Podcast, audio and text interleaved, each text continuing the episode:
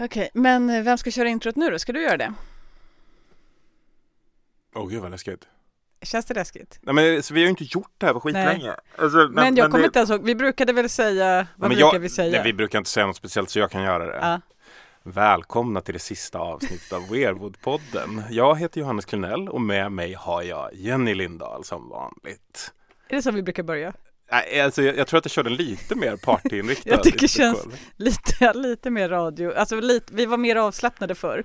Ja. Det är mycket som står på spel nu när vi liksom inte har varit i studion på länge. Men, men jag tänker så här, hur fan tror du George R. Martin känner sig om vi tycker att det finns prestationsångest i det här? Vi har ju skjutit på det i flera månader.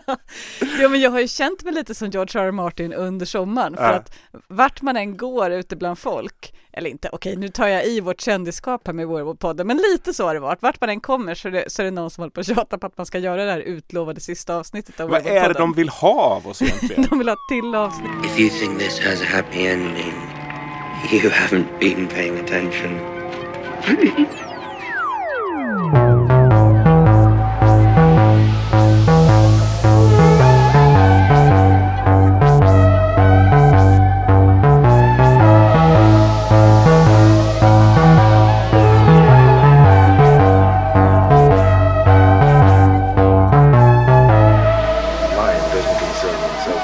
fattar inte. Det, det, egentligen så var vi ju klara med det där sista avsnittet. Vi hade ju kunnat säga det då. Det är som att nej men nu, nu är det över. Nu är Ja det men men av någon jävla anledning, det var mitt fel. av någon jävla anledning så skulle det göras ännu ett sista avsnitt. Ja men och det skulle vara en wrap-up av hela historien. Ja.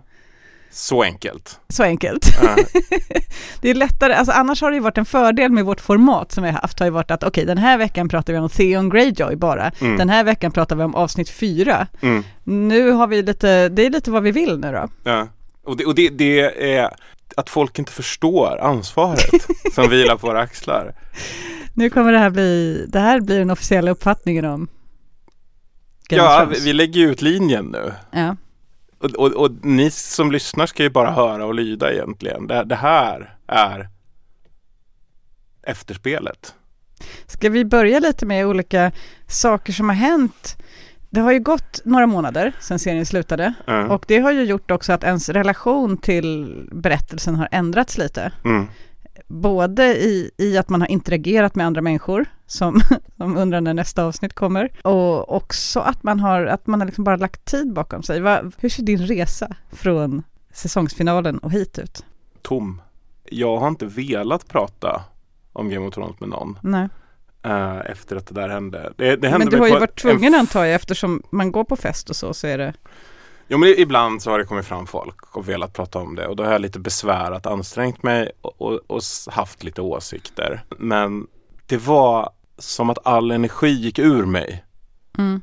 efter sista avsnittet. Faktiskt. Och, och jag har liksom inte tittat på jättemånga YouTube-klipp eller analyser eller så alls efter det. Alltså jag, jag, jag, jag tappade det Mm. ganska länge. Mm. Och, och, och det var också liksom Den tomheten var svår att hantera. Faktiskt. Alltså för jag kunde inte fylla den med någonting annat heller. Det dök inte upp något nytt som jag blev lika fanatisk inför som jag Nej. hade varit inför Game of Thrones och A Song of Ice and Fire. Ut- Utan jag har gått runt med ett svart hål inom mig. Men just därför har det varit jobbigt att prata med folk om, om tv-serien Mm. också. För, för att de kan aldrig förstå tomheten. Att, att min hjärna kan inte ens tänka på de här sakerna längre för att, för att då, den var så utarbetad Mm. av att försöka lägga ihop alla pusselbitar och så. Och så landade det liksom i Det bidde ingen tummetott. Det bidde ingenting. Ingenting är väl starkt ah, sagt. det, det är starkt sagt. Men det bidde inte riktigt den känslomässiga... Alltså den slutar på en, en not som är svår att leva med. Mm. Så är det ju. Ja, Att eh, det är svårt att bearbeta hur, hur allt det här slutade. ja. Det är svårt, både svårt att vara tillfreds med det men också svårt att, att processa på något vis eftersom det, Vi, vi kommer till sen, men, man fick för mycket och för lite samtidigt. ja, är, är, är nog det jag kände. ja, Att, att det som blev hade behövt en säsong till för att utvecklas ordentligt. Alltså, The Long Night var ju inte så lång. Det var ju bara några timmar. Nästan alla sådana saker. Alltså det här med transportsträckor och att saker händer för snabbt in på Mm. varandra och folk fattade beslut som liksom framstod som överilade men som inte, kanske inte hade varit det om de hade bara hade fått liksom plotten hade fått pågå i kanske en säsong till. Mm. Eh, och folk sviker varandra till höger och vänster. Det var liksom som, som att hela sista säsongen var som ett avsnitt av Buffy. Mm. Buffy har ju det upplägget, Mm. alltså Buffy the Vampire Slayer, att, att nästan alla avsnitt handlar om att en i gänget pekas ut som svikare Mm. och blir utstött av resten av gruppen. Mm. Och så slutar avsnittet med att den personen kommer tillbaks till gänget och räddar dem och då är en del av kompiskretsen igen. Och det är liksom, de har som ett roterande schema av att peka ut en svikare.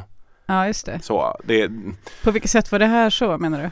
Nej men så här helt plötsligt så får, bestämmer sig Varys för att gå i en helt annan riktning. Alltså så här och, och svika Daenerys. Ja. Och, och jag tycker inte att det var ordentligt planterat nog. Eh, jag, jag tycker kanske inte jag hade kanske inte så stora problem med Daenerys som av någon anledning folk i Västerås hade. Vilket jag tycker är jättekonstigt. För så jävla mycket värre än någon annan var hon faktiskt inte. Eh, Alltså, jag tycker inte det. Jag, jag har ju drivit Mm. li- linjen hashtag Mm. Bran Kings Landing Ja. 2019 ganska hård. Ja. Men det finns ju också en anledning till det och det är ju att vilken annan kung eller drottning hade, höll, höll inte på med folkmord eller liksom massavrättningar eller Ja. jävligt onda dåd.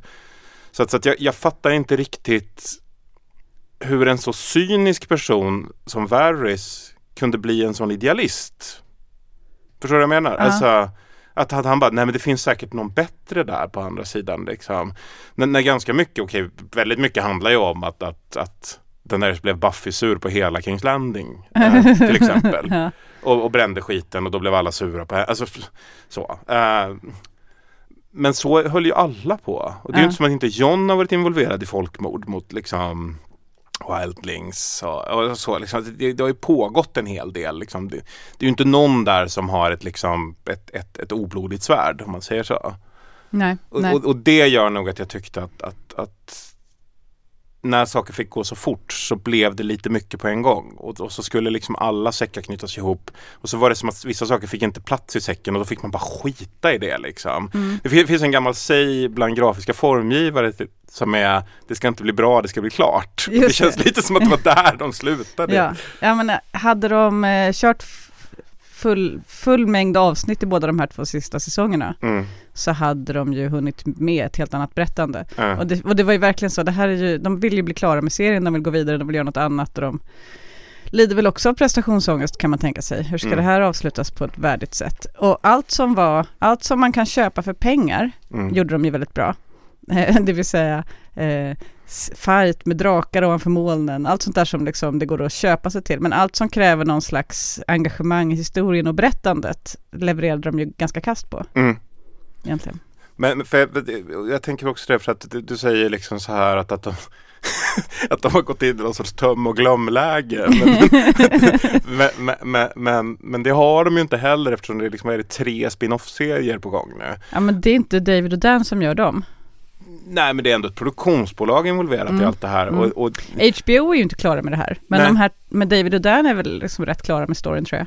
men det, det, är, ju det är väldigt konstigt Ja. tycker jag. För att, för att spin-off-serier traditionellt blir ju aldrig lika bra som huvudserien. Nej, Kan du komma på ett enda fall? där jag, kan, jag kan inte komma på någon spin-off-serie ens en gång nu. billigare. Det värsta exemplet är väl den här Babylon 5 spin-off-serien som utspelar sig på något rymdskepp och där det kommer någon sorts liksom, ja, liksom magiska varelser utifrån ett nytt hot som är Ja. liksom poster shadows och så. Allting är sett, men- skitfult animerat. Okej, nej, jag har ett bra exempel. För i Star Trek så har de ju, då byter de ju, då byter de ju e- era så att säga och besättning och karaktärer och hela det. Mm. Och det har ju blivit både sämre i vissa säsonger men också bättre. Ja, nej men alltså Voyager är ju en klart bättre serie än, än, än Deep Space Nine. Mm. Eller liksom, alltså det, det, det finns ju skillnader i investering och vilka skådisar man får in. Och Enterprise är ju en klart sämre serie än de andra. Mm. Även om den har sina intressanta sidor också. Förlåt nu när du är iväg här. Men, men, men det jag ser som ett problem är att de lämnade publiken så jävla otillfredsställd här på ett, ett, ett korkat sätt. För jag är inte så hungrig på de här andra serierna Nej. just för att de gick emot J.J. Abrams den här The Magic Box-principen av att vissa saker behöver man inte veta som publik utan det är ibland nästan bättre att du inte vet varför Mm. den här ljussabeln befinner sig där i Star Mm. Wars eller Mm. liksom så. Utan att det är liksom öppet för din fantasi och, och, och, få spekulera i det. Och det Mm. var ju styrkan så länge tv-serien inte var klar och bokserien inte har varit färdigskriven så har ju det handlat rätt mycket om att vi har fått möjlighet att fylla det här med så mycket mer. Mm. Och det kan man fortfarande göra och avsluta en tv-serie. Men, Mm. men problemet här tycker jag är att man avslutar den genom att släppa för mycket information. Mm. Men man släppte den så hattigt så att den blev otillfredsställande. För att världen blev mindre tråkigare och ointressantare när man visste för mycket om det.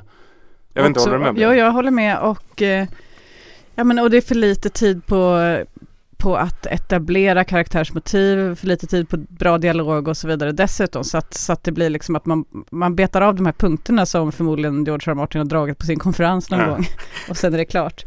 Men eh, jag tänker också att eh, det betyder inte att de här, alla de här serierna som spin-off-serierna blir dåliga som kommer nu för att den, jag tror jättemycket på den prequel som ska handla om eh, A Dance of Dragons, det vill säga det Targaryenska inbördeskriget. Mm. Det känns ju jättekul. George R. Martin har utvecklat storyn, ehm, han är delaktig i produktionen och han har ju skrivit en jättetjock bok. Det är väl därför han har skrivit en jättetjock bok om det, här, för nu har han satt hela den världen om Mm. Targaryen-historien.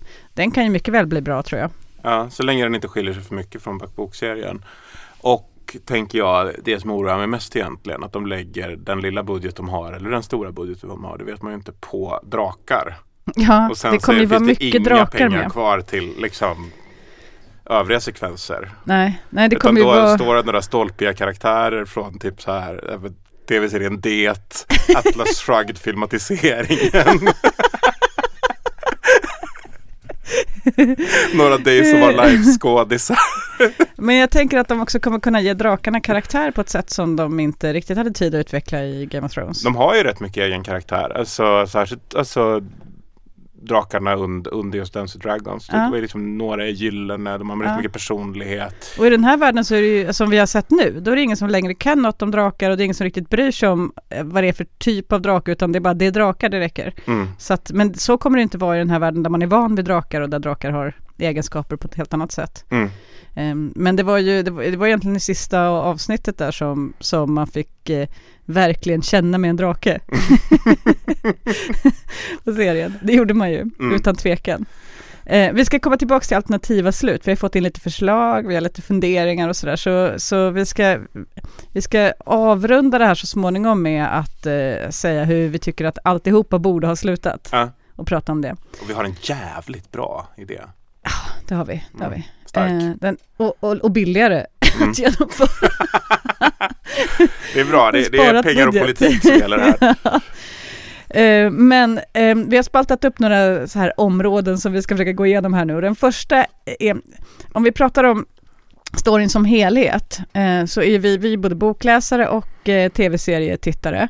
Och vi har ju följt, eh, vi har följt den här storyn från, från de här båda hållen under tiden. Och det är några saker som är väldigt stor, stora förändringar som vi har pratat fragmentariskt om. Till exempel när man pratar om den här karaktären, ja då kanske man nämner att, och sen, fast i böckerna är det helt annorlunda, då är det så här. Men jag tänker om man tar ett lite helhetsgrepp kring det så är det några ändringar som, som är ganska avgörande för hur man berättar den här historien och för vad historien handlar om. Och den absolut, eh, en av de absolut eh, största förändringarna tycker jag är ju att eh, Catelyn Stark då blir eh, återuppväckt utav eh, Thoros of Myr Mm. efter att hon blir dödad och sen blir Lady Stoneheart som blir en slags eh, jätte, inte alls lik Catelyn utan en, en hämnddemon i En princip. furie. En furie. Mm. Hon ser för jävlig ut, hon är jätteläskig, hon pratar med en slags väsande röst för de skär i halsen av henne. Eh, och det enda hon, Hon har vill... svällt upp någon och legat i vattnet. ja, och hon har bara ett enda mål och det är att ta över, att utrota varenda jävel som eh, gjort det här mot hennes familj. Mm. Och Hon bryr sig inte om någonting annat och eh, hon tar över brödraskapet, det vill säga de där Beric Dondarrion och Thoros och Myr och så vidare drar omkring och är goa gubbar. Det är, bara, det är faktiskt en, en av de grejerna, det är ju jävligt ball Mm. det här. Men hur fan lyckades hon med det?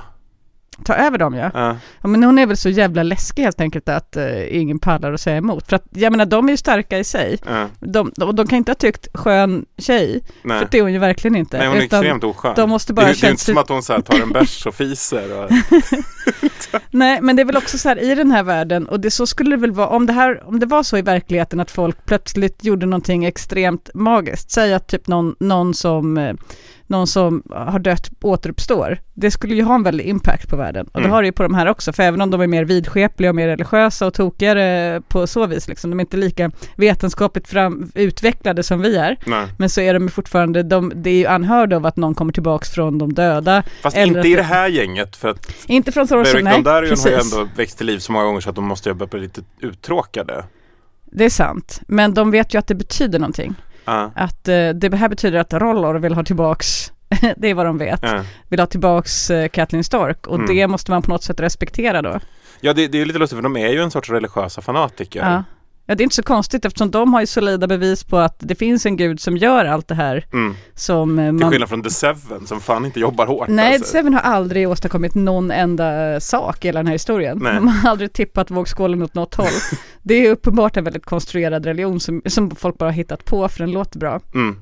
Medan Rollor är ju uppenbarligen ute och, eller vem det nu är, men i alla fall, det finns ju en, en gud som stämmer överens med de här prästerna och med den här religionen som gör något. Mm. Men eh, det, det, som är, det som är intressant för den plotten är att den förändrar ju också hela Briennes och Jamies plott.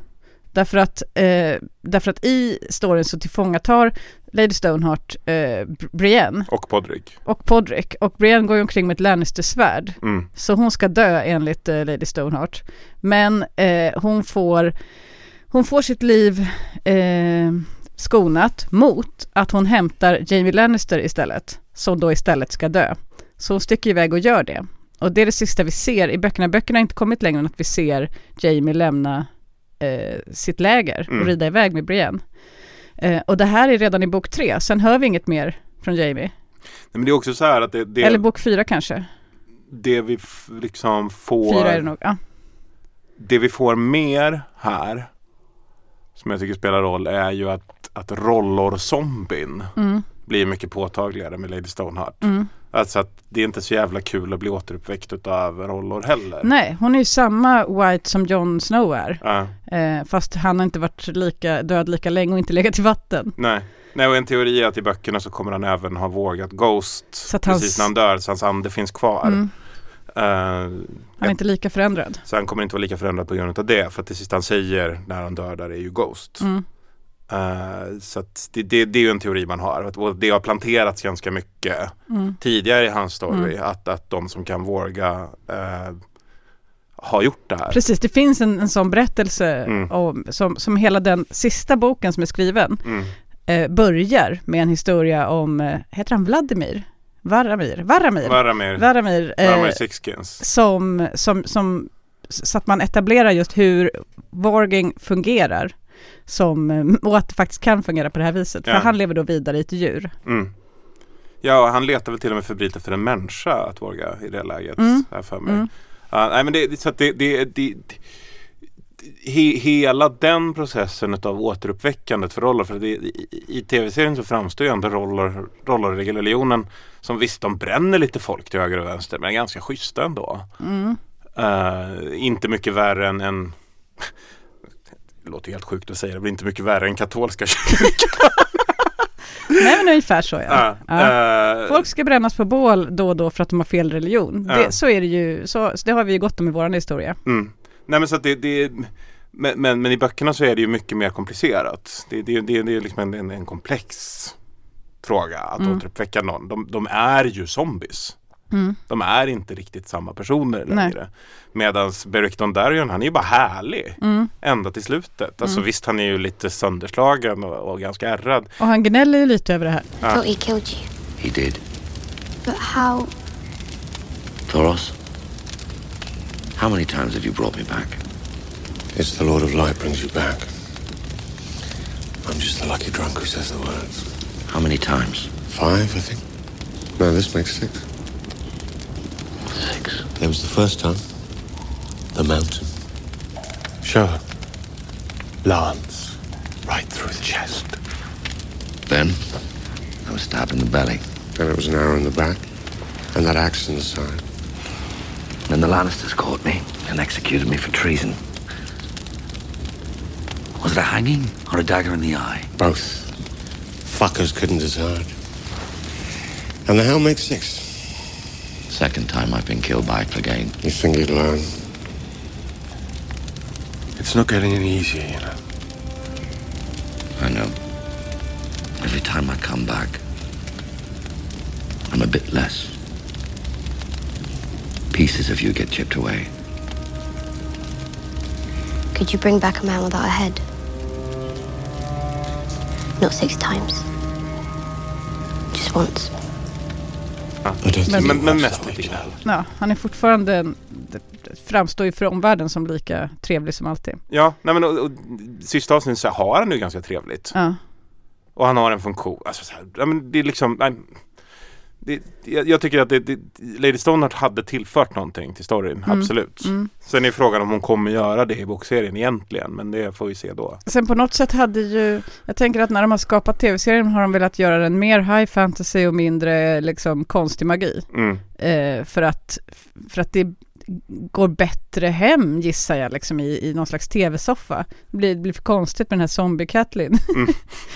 Eh, så att jag tänker att det är därför de har gjort den ändringen. Men den, den hade verkligen tillfört djup till plotten tycker jag. Mm. Och också, jag hade gärna sett tror jag att Jamies plott hade varit så i boken, det vill säga att han väldigt tidigt lämnar Cersei och att man sen hade fått se hans utveckling när han då på något sätt förmodas, eh, för det här kan man väl anta händer då, att teamar upp med Brienne Mm. och eh, kanske lever med henne under ganska lång tid. Och sen den karaktärsutveckling som vi i så fall skulle fått följa i hans huvud som så småningom leder honom tillbaka till Cersei. Mm. För den går ju på, från, från att lämna Cersei till att bli ihop med Brienne till att lämna Brienne och gå tillbaka till Cersei går ju på tre avsnitt i den här. Ja, han är en så kallad fuckboy. Ja, eh, och det är klart att folk är besvikna över den händelseutvecklingen. Äh, Jag känner ändå... För, inte minst du. Nej! Jag, du nöjd? Jag är supernöjd. Alltså jag tycker att den, det gick lite snabbt, men jag, jag, jag skulle tyckt att det varit otroligt otillfredsställande om Jamie inte hade fått återförenas med Cersei i, eh, i slutet. Just det, vi skulle prata om den här re, resan som vi har gjort fram till nu. Mm. Ehm, jag har ju också varit som du, att jag liksom slutat lyssna på, på poddar om det här, typ börjat lite på sistone. Så att jag har pratat ganska lite, mest med folk som kommer fram och vill prata, apropå podden, om Game of Thrones. Ja. Men eh, inte ägnat mig för mycket. Men däremot så har det hänt mig, och det här, jag vet inte om jag ens borde avslöja det här, men flera gånger, senast i fredags på kontoret, att jag alltså börjar gråta när jag tänker på att Jamie och Cersei är döda.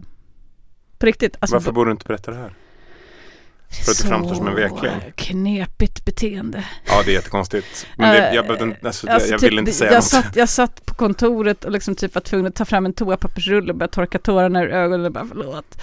Alltså börja grina på riktigt över, över därför att, därför att jag kommer att tänka på jag kan inte, det finns viss musik som är väldigt svår för mig att lyssna på som till exempel eh, Light of the Seven, Cerseis liksom låt till, eh, till den här pianomusik, pianoskåret som går som jag lyssnade väldigt mycket på förr. Mm. För då kommer jag att tänka på att hon är död och att Jamie är död och att de dog i varandras armar och så vidare. Det är också ja, men, allt Lannister-relaterat material eh, sångmässigt och även den här Jenny of Oldstones mm, in, innan, eh, så, som de kör innan, eh, natten innan slaget om Winterfell. Mm.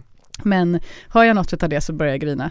Så du kan inte lyssna på Florence and the Machine längre? Ja, men jag har aldrig gjort det så det gör ingenting. Eh, nej men jag skulle gärna sett eh, att, för mig är det fullkomligt logiskt att Jamie fattar det här beslutet. Jamie har hela sitt liv levt i, eh, i liksom uppfattningen att han och Cersei kommer dö tillsammans. Mm. Därför att de kom till världen tillsammans, de är allt för varandra. Mm. Och eh, självklart så, så liksom är det djupt rotat i honom den uppfattningen. Men har hon tänkt samma sak? Eh, ja, det tror jag. Ehm, sen så är hon mycket mer självisk än han. Han är ju liksom, vill ju vara en hjälte, vill hjälpa andra. Hon vill bara hjälpa sig själv. Hon hatar de flesta.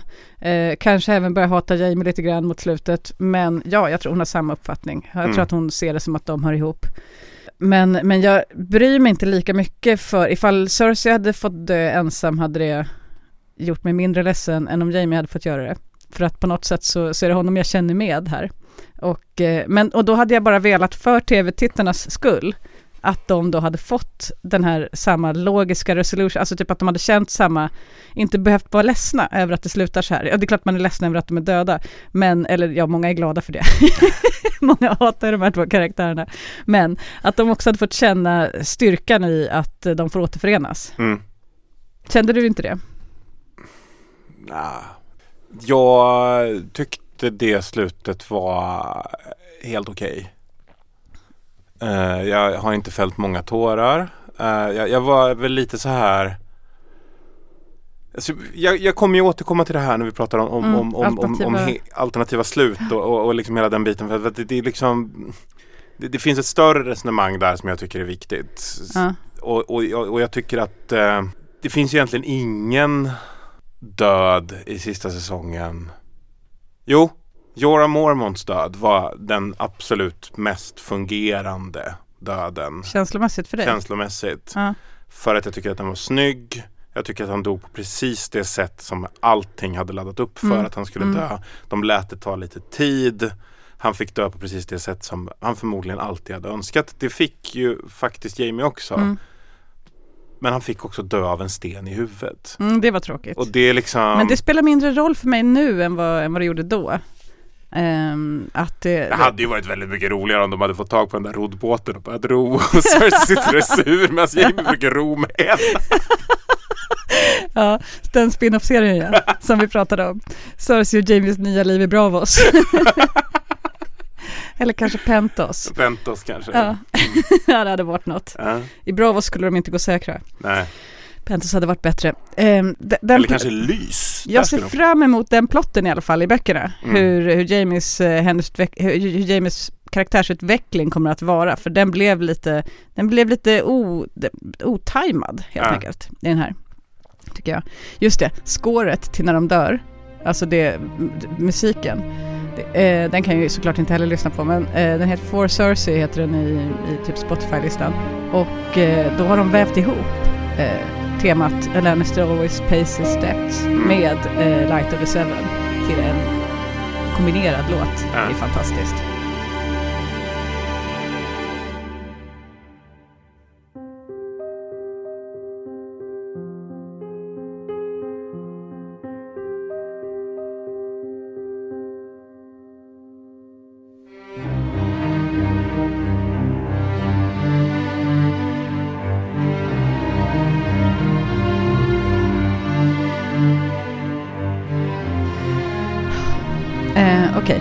En annan jättestor plottförändring om vi byter ämne raskt Mm. är ju eh, Dorn.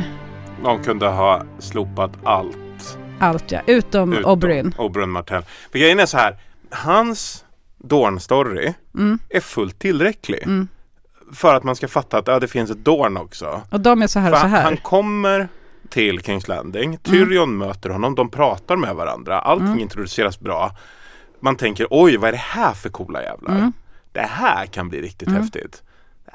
Det här, det, här kan till och med vara, vara liksom en, en, en, förändring utav hela liksom, Dynamik, ja, alltså. Dynamiken är helt ändrad. Ja. Det kommer ett gäng sexiga jävlar från Ja, de södra länderna. ja. Vad är det här? Alltså, och han är ju härlig Vad va? bra han är på att slåss. Ja, han är Och så himla vilken- bra på så Han dricker och han, Ja. han ligger med allt som rör sig. Killar, tjejer, vad du vill. Alltså, släng fram det bara. Liksom. Dialogen han har med Cersei är fantastisk. I want to believe that. I want to believe she's happy. You have my word. You don't hurt little girls in Dorne. Everywhere in the world they hurt little girls. Och sen så blir allting bara ett antiklimax och han dör. Mm. På det mest nesliga sätt någonsin. Där kunde man ha klippt bort Dorn. Vi behövde inte Dorn mer än Efter, så. efter att han också i plotten etablerar eh, en väldigt viktig pusselbit i Lannisters familjehistoria Mm. när han berättar om besöket hos, eh, hos den nyfödde Tyrion. Mm. Eh, ja, det hade Nej, de kunnat klippt. Det är Sen- egentligen det enda i Dorn-plotten som tillför någonting. För att i böckerna så har ju Dawnplot, då, då är ju, eh, då, det finns ju fler karaktärer till att börja med. Mm. Och det är fler karaktärer vi känner som är på plats i Dorn. Eh, och det är liksom en från Kungsvakten, Aris Oakart, som, som är ditskickad för att vakta prinsessan Marcella, Mm. som blir indragen i förveckling och kärleksaffärer med eh, en av prinsessorna i, nej prinsessan, Mm. The Princess i, i Dorn. Och eh, eh, det är liksom en, det är ett drama som pågår där. Ja, och det finns också politiska konflikter mellan Dawn och The Stormlands. Och Aris Oakard är, är ju Stormländer. Mm. Vilket också tillför Mm. en dimension Exakt, där. Av, exakt. av liksom att han har blivit nedskickad helt felklädd och hatar egentligen alla i Dawn. Ja. Eh, och och det ju, finns ju ingenting utav det. Dawn är bara de är ju liksom bara Västerås blindtarm Ja, här. ja. Det finns inget, och, och lite, lite är det ju sant för i böckerna är de också, de spelar ju en väldigt märkligt hög politisk funktion i Västerås. Mm. För att vara en sån jävla skitnation. Ja, som bara består, som en, som en monokultur som bara består av folk med exakt samma karaktärsegenskaper. Exakt samma karaktärsegenskaper, till och med samma kläder. Alla klär sig i identiska färger. och antingen så är de vakter i palatstempel, liksom vakten, eller så går de runt i de här liksom färgglada skrudarna. Alltså ända Ja. hela vägen till liksom The New Prince in Dorn. Det är liksom... Eller så är de sexiga tjejer som är döttrar till Oberyn, Ja. som har på sig så lite som möjligt. Mm. Det är också en klädstil. typ bara läder-bh och... En eh, livsstil. Ja. jo, verkligen. Men sen är det också en väldigt viktig plot device som, vi nu, som också glider över i nästa stora förändring av historien är ju att eh, Doran Martell, den här eh, prinsen som sitter i rullstol och som är den enda som är lite snäll i Dorn Mm, och som är lite smart, mm. som inte bara tycker att man ska döda folk utan att fråga först. Han har ju en, en lång, långsiktig maktscheme som han har sytt ihop tillsammans med typ Illyris Papatio och Varys Mm, som är att hans dotter, prinsessan, hon som sen har en affär med Aris Oakart, mm. hon ska gifta sig, nej, det är att Hon- hans, Nej, hon ska gifta det, hon sig ska med gifta sig, nej inte med Varys, utan med Viserys. Aegon. Nej, först är det att hon ska gifta sig med Viserys. Det är första Ja, planen. precis, först med Viserys. Och sen dör Viserys. Ja, och sen och då, är det då, lägger man över det till att Quentin Martell, hans son, ska gifta sig med Daenerys. Men det vet inte Daenerys om för hon har ingen aning om att det här finns som plan. Och då där skickar han sin son. nej för det är plan tre, för plan två här är också att, eh, att, att hon ska gifta sig med Aegon. Fake Aegon. Fagon. Fagon. Mm. Det vill säga den karaktär som då uppfostrats eh, utav eh, John Connington som är i exil på grund av att han var på Targaryen-sidan i, i liksom under Roberts Rebellion. Mm. Och som då har tagit hand om den här The Young Griff som man kallas i historien. Som är, eh, som då påstås vara Rhaegars son, äldsta son Aegon, alltså Mm. inte John utan Rhaegars äldsta, som har räddats ur Kings Landing av Varys. Och som då skulle då uppfostrats utav honom och nu så är redo att komma tillbaka och ta över tronen mer Mm. eller mindre. Eh, I slutet på historien så är de ju på väg tillbaka, de är på väg att Ja, gå in och Golden erövra Company kommer ju. tillsammans med de här, för att erövra Westeros. Mm. Och eh, eh, den Aegon skulle hon ha gift sig med. Men, eh, om jag minns rätt. Men sen så också det går snett av något annat skäl. Så att, eh, ja det är hon själv som ställer till det, Mm. just det. Eh, genom, att, ja, genom att försöka kidnappa Myrcella. Myrcella, Det här är en, en krånglig historia. Ja, det är extremt En krångligt. krånglig historia. Men, och då skickas ju Quentin iväg för att gifta sig med Daenerys. Mm. Det som slutar illa. Ja, det slutar ju fruktansvärt. Det är faktiskt av alla scener jag tycker är hemska så är det den hemskaste. när, när, när Quentin får spel när han upptäcker att Daenerys inte tycker att han är speciellt het. Han är inte speciellt het heller, han är riktigt ohet. Ja, men, nej, han, han har väl ett ganska... Nej, han är ful, han ser ut som en groda. Sägs det i böckerna. Alltså Jag trodde han bara var plain. Ja, För- för de- alltså hon de tycker konst- inte han är snygg i alla fall, det är ju helt klart. Eh, nej, för det, det, det är ju där man får veta att Daenerys är ytlig. Mm. Det är, det är någon som tänker i det läget om det är eh, Barristan Selmy eller någon annan som Det här tänker. vore väl ändå en bra idé? Det här var en bra idé, synd att han inte var snygg nog. Ja, Och att hade han bara varit lika snygg som hans följeslagare, de här två riddarna, Ja. med sig Drinkwater och vad fan nu den andra killen heter. Eh, så hade det ju gått mycket bättre. Men då får ju han liksom någon sorts flipp och tänker att "Ja, men jag har ju lite Targaryen-blod i mig, jag snor en drake. ja.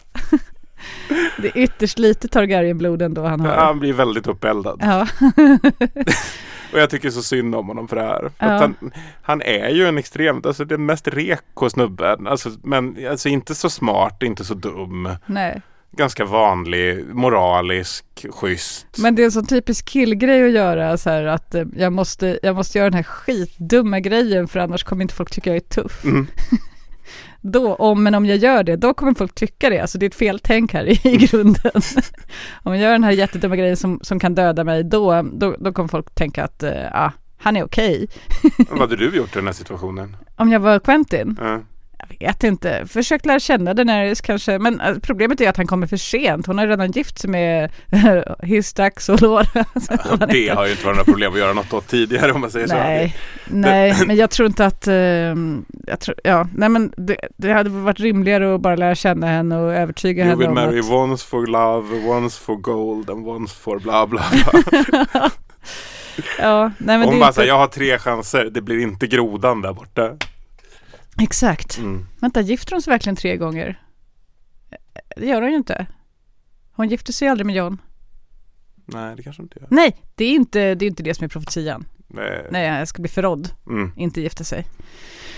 Ah, Ja, Det här är problemet med när, vi, när man liksom inte, vi har ju levt så tätt in på den här historien och liksom typ andats den Mm. länge. Men och nu när man haft lite paus, då faller ju alla namnen bort och små Mm. detaljer faller bort och eh, saker som man kunde utan till för några månader sedan är lite så här längre bak i huvudet nu. Ja, kartan är inte helt komplett. Man är som sådana här som bara, det var han, vad heter det, alltså typ som man har liksom typ tyckt varit obegripliga, hur kan de inte komma ihåg vad de här människorna heter?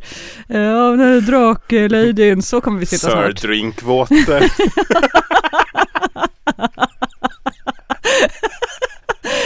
Ja, och snart kommer vi sitta så här, ja, han är en storbrorsan Stark som var kung först. Om en stund. ja. Okej, eh, men om vi tar de här två, vi är överens om att det hade varit bättre att skriva bort Dorn helt ur plotten, eller möjligen att göra en vettigare sak av det, men det hade varit svårt också. Det är Ja, för det mycket, det är för komplicerat. Vi kan knappt re- redogöra för den här historien utan att det blir för komplicerat. Men, men jag tänker också så här, man har ju ändå tagit bort The Reach som ändå har en ganska viktig funktion Ja. med Old Town. Old Town dyker ju upp bara mot slutet Ja. lite grann. man hade utan problem kunnat göra samma sak med Dorn. Ja. Att låta det vara det där besöket, den döden och sen slut. Liksom.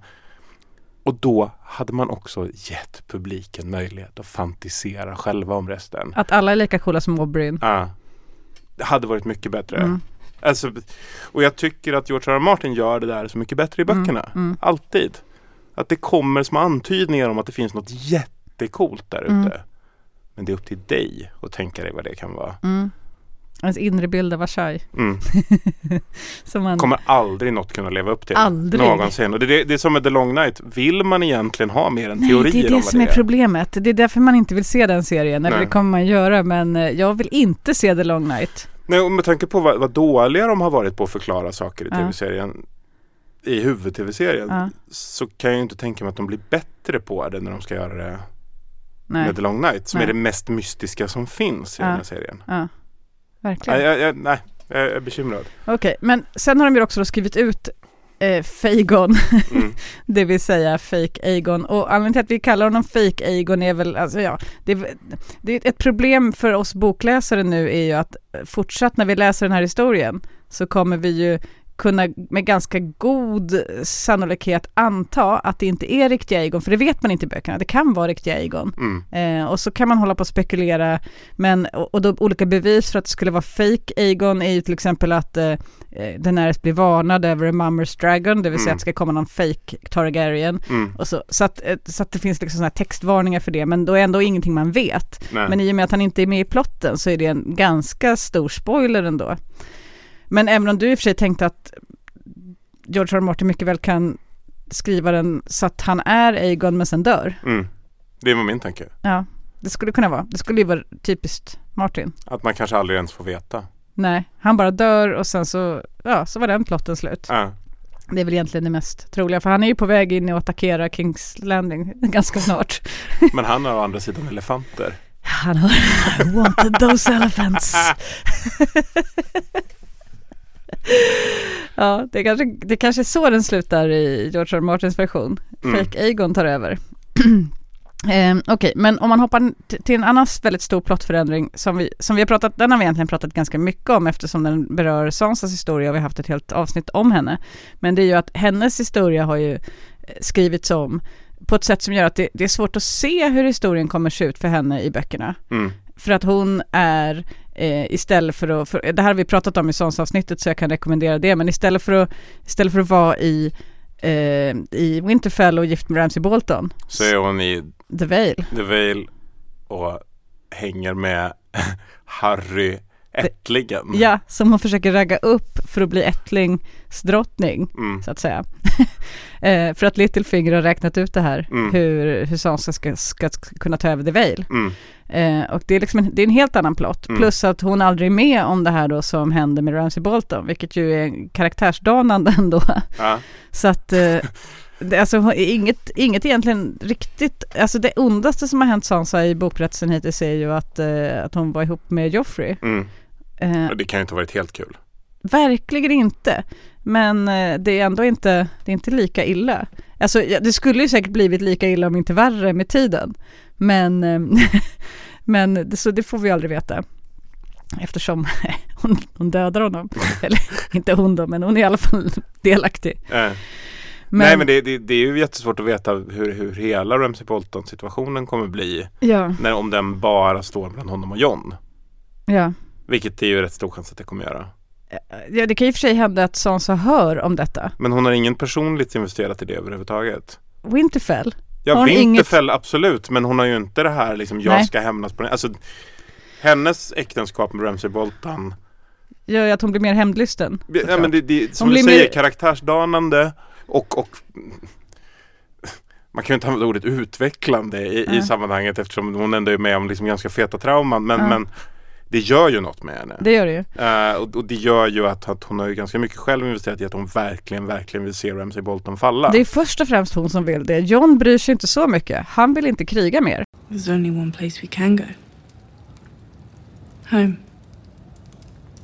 Or should we tell the Boltons to pack up and leave? We'll take it back from them. I don't have an army. How many wildlings did you save? They didn't come here to serve me. They owe you their lives. You think they'll be safe here if Roose Bolton remains Warden of the North? Sansa. Winterfell is our home. It's ours. And Arya's and Bran's and Rickon's, wherever they are, it belongs to our family. We have to fight for it. I'm tired of fighting. It's all I've done since I left home. I've killed brothers of the Night's Watch. I've killed wildlings. I've killed men that I admire. I hanged a boy, younger than Bran. I've fought. And I lost. If we don't take back the North, we'll never be safe. I want you to help me. But I'll do it myself if I have to. Så att eh, det kommer det krävs, kommer krävas en annan typ av motivation för John. För att han ska, för att hamna, alltså kommer det ens vara ett slag om Winterfell? Ja, det vet vi ju inte.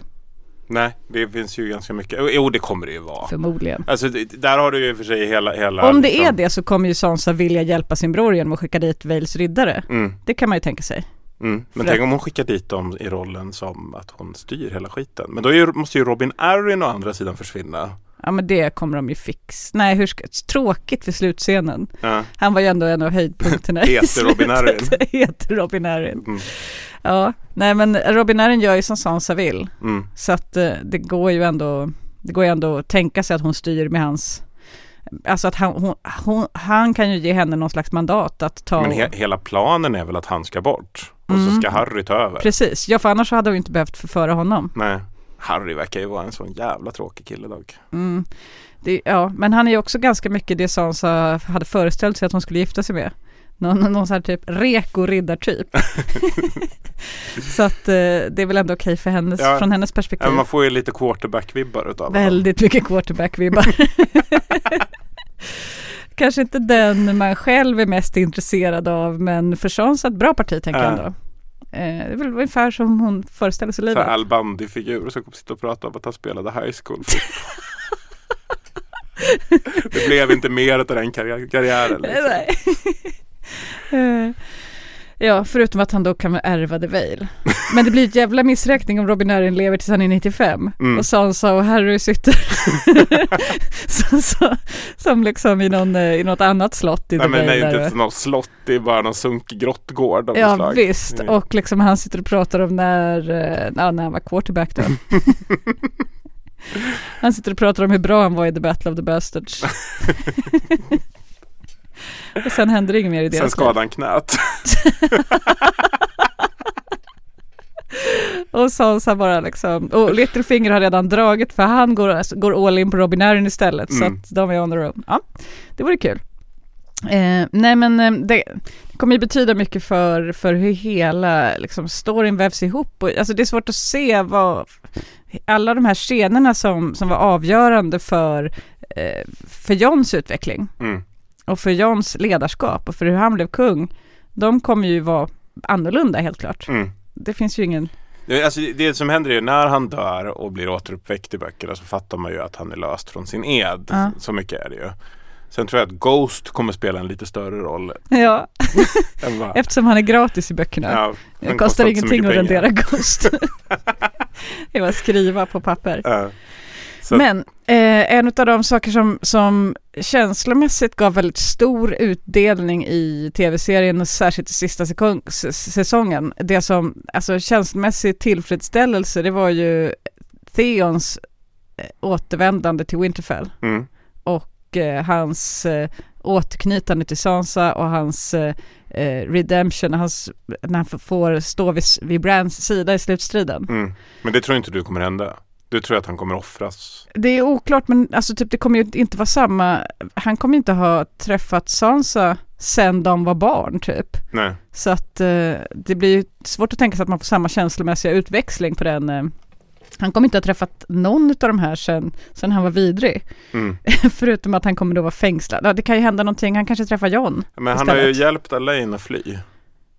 Inte Elaine, han har hjälpt eh, Jane Poole. Det är en pool. just det. Elaine är Sansas Just det. eh, alter ego. Att du ser nu. Ja, visst. han har Nej, hjälpt men han, Jane han Poole hjälpte fly. Jane Poole Men att ingen fly. bryr sig om Jane Poole utom han. Mm. Eftersom eh, det är hans enda kompis där. Men eh, alltså annars, det är ju, det är ju liksom The Steward's Daughter. Mm. Eller om det till och med, är det, fan är hon det? Nej, hon är inte dressurdotter. Alltså är det, kennel, är det kennelmästarens dotter? Ja, det är något sånt. Är... För att det är ju Miranda i tv-serien. Men, ja, nej, det behöver vi inte spekulera i. Mm. Ja, strunt samma. Men hon är i alla fall en helt obetydlig figur. Mm. Eh, Hennes, enda, hennes enda berömmelse är att hon är kompis med Sansa. Ja. Och att hon är tillräckligt lik Arya för att kunna passera som, som fake Arya. Vilket hon inte ens är. Nej, för hon är är inte lik Arya. Arya Nej, ut. exakt. Ingen utom Theon. Mm. Så att det är där hela den plotten ligger. Och i den plotten så har jag också hela Mans Raider plotten. Så att Mans Raider inte är död, utan att han istället beger sig till Winterfell för att befria Sansa. Arya. Ja, Arya, precis. Eh, fake Arya. John tror att Arya är gift med Ramsay Bolton Ja. och detta måste lösas. Och skickar Mans Raider dit. För, för, för att Ramsay Bolton har skickat honom the pink letter, det här brevet, det är med i tv-serien också. Ja. Jag kommer gröpa ur dina ögon med en sked eller vad sjutton det är han skriver. ja, det här är bara en ren provokation. Ja visst, för att locka fram John. Och Ja. John skickar Mans. Trollbete. Nej, John skickar Mans innan förresten. Herregud vad dåliga vi är på det här nu. Han skickar Mans innan och Ramsey, det sista han hör från Ramsey är att Ramsey skickat redan har Mans Raider Ja. och Mans Raiders eh, tjejkillergäng som han har tagit med sig. Ett gäng tuffa tjejer från The Wildlings Mm. som är hans typ team. Ja, herregud. Den är komplicerad den här historien. Den är- Man, man märker det verkligen när man försöker rekapitulera saker som man inte har repeterat. Nej men alltså det, den stora grejen är väl just det att, att det, det är en, tv-serien är en kraftig förenkling. Mm. Och, och, och sen är det ju just det här med de här, vad ska man säga, den mystiska lådan grejen som George R. R. Martin håller på med rätt mycket Mm. också. Att det liksom helt plötsligt bara dyker upp en svincool karaktär. Mm. Och sen är det inget mer med det. Nej. Det var bara någon som kom förbi och var snygg och cool. Mm. Det är liksom, det, det räcker där. Mm. Geraldine. Ja. Geraldine. Ja, The Night Star. Som är så, så mycket hype, så lite kräm. Liksom, ja. Jo, och så är det också så etablerat genom, när man läser böckerna då, genom Jamies eh, huvud. mm, vilken jävla stjärna Arthur Dane var. Ja. För att eh, det är ju liksom den som Jamie mest av allt ser upp till i världen. Mm. Det är den coolaste som har funnits ever. Och det här vet vi att Geraldine på något sätt måste leva upp till det här. Och sen så gör han inte det utan han är, han försöker vara supercool med det. Ja, det, det är en kul karaktär. Ja. Just att kalla sig för The, The Night Star. Ja, Det är precis. också så här, det är ju inte ens coolt. Alla stjärnor lyser på natten. Dark Star är det väl? Är det Dark Star? Jag tror det. Dark Jo, det är det. Dark Star är det. Men det är samma. Ehm, ja, okej. Men en annan stor viktig storyförändring är ju hur, eh, alltså om vi pratar om att, liksom, att jag är besviken över att eh, vi inte kommer få se Jamies karaktärsutveckling i tv-serien så som det vi förmodas få se den i böckerna, så är ju Daenerys karaktärsutveckling någonting som man får se inifrån hennes eget huvud väldigt mycket i, i, eh, i bokserien. Mm. Alltså all, nästan, alla Daenerys, nästan alla kapitel som utspelas i Essos är från hennes perspektiv. Mm. Det är inte så många som är, det är några som är Bergstan Selmis och sådär, men eh, framförallt är det hon som, vars tankar vi hör. Mm. Och då får man ju en annan bild av henne, eller hur? Ja, men jag såg en, en, en, jag faktiskt kollade lite på YouTube i morse. Och då hade de gjort det här, vad är skillnaden mellan Daenerys i tv-serien och i böckerna?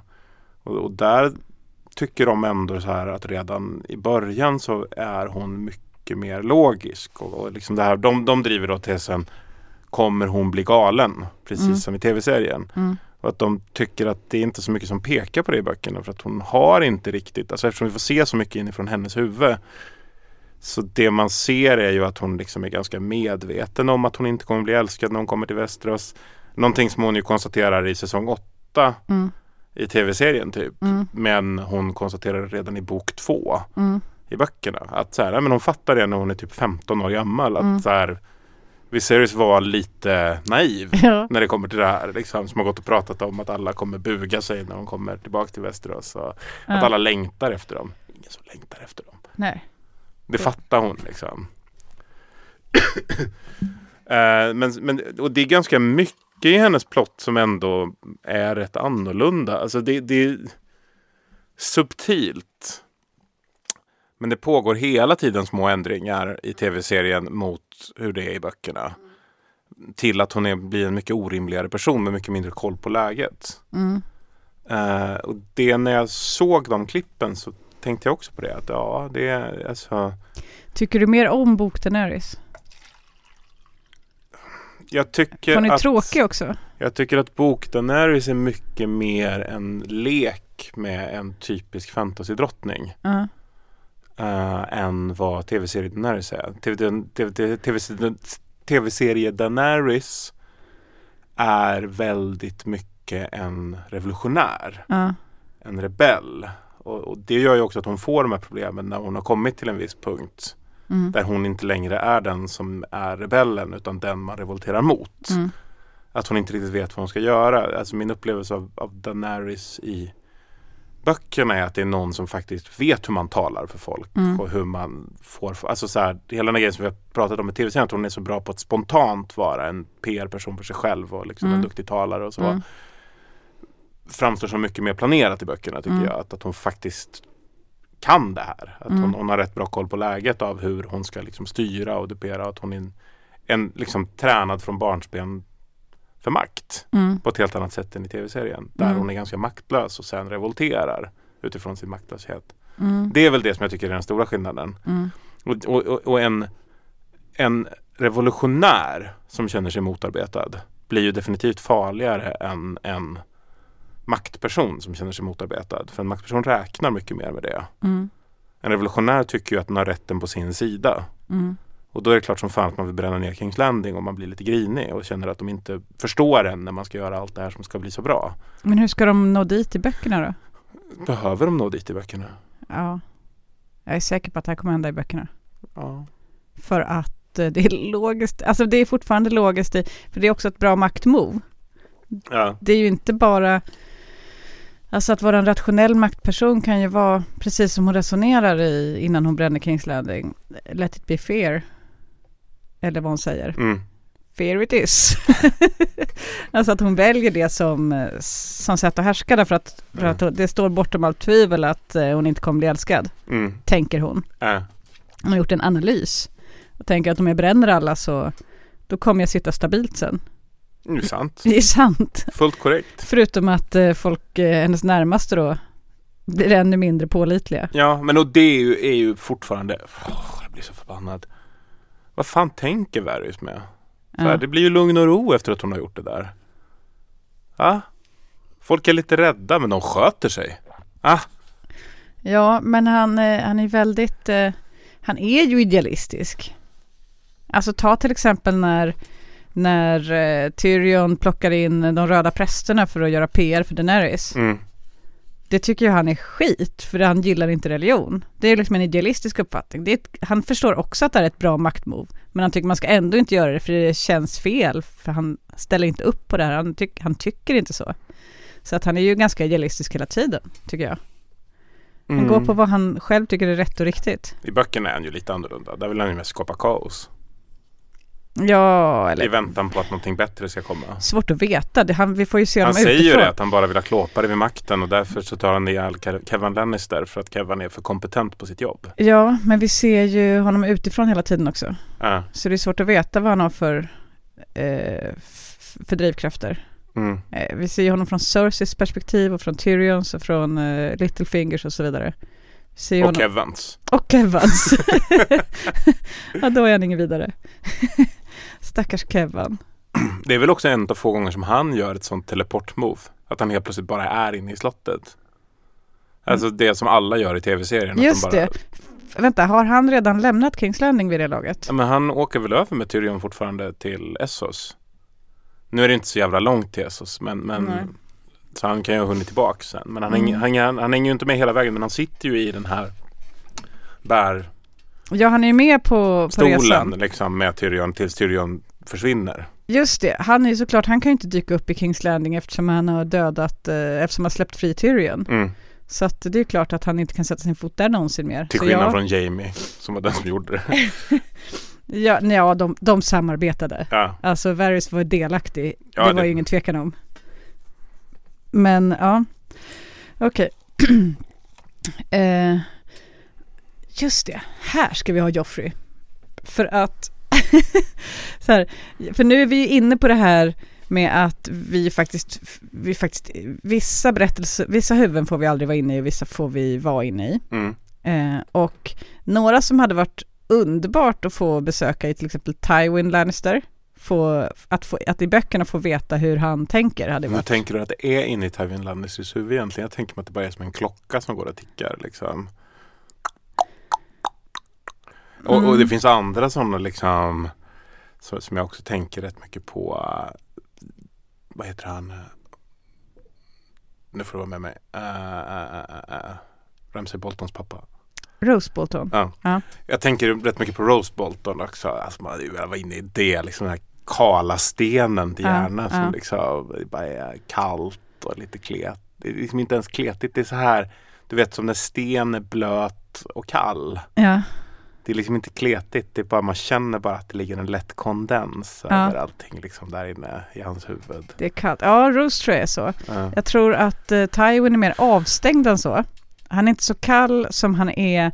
Han har liksom hans barndom där han har eh, lidit under det här med att eh, Hans pappa är en pappa tönt. är en tönt. Och Ja. sen så liksom har det, det har liksom typ det, det har blivit, dragits upp för mycket i proportioner i hans huvud. Mm. Och det har blivit en för stor grej i hela hans liv. Att eh, han minsann måste sätta sig i respekt.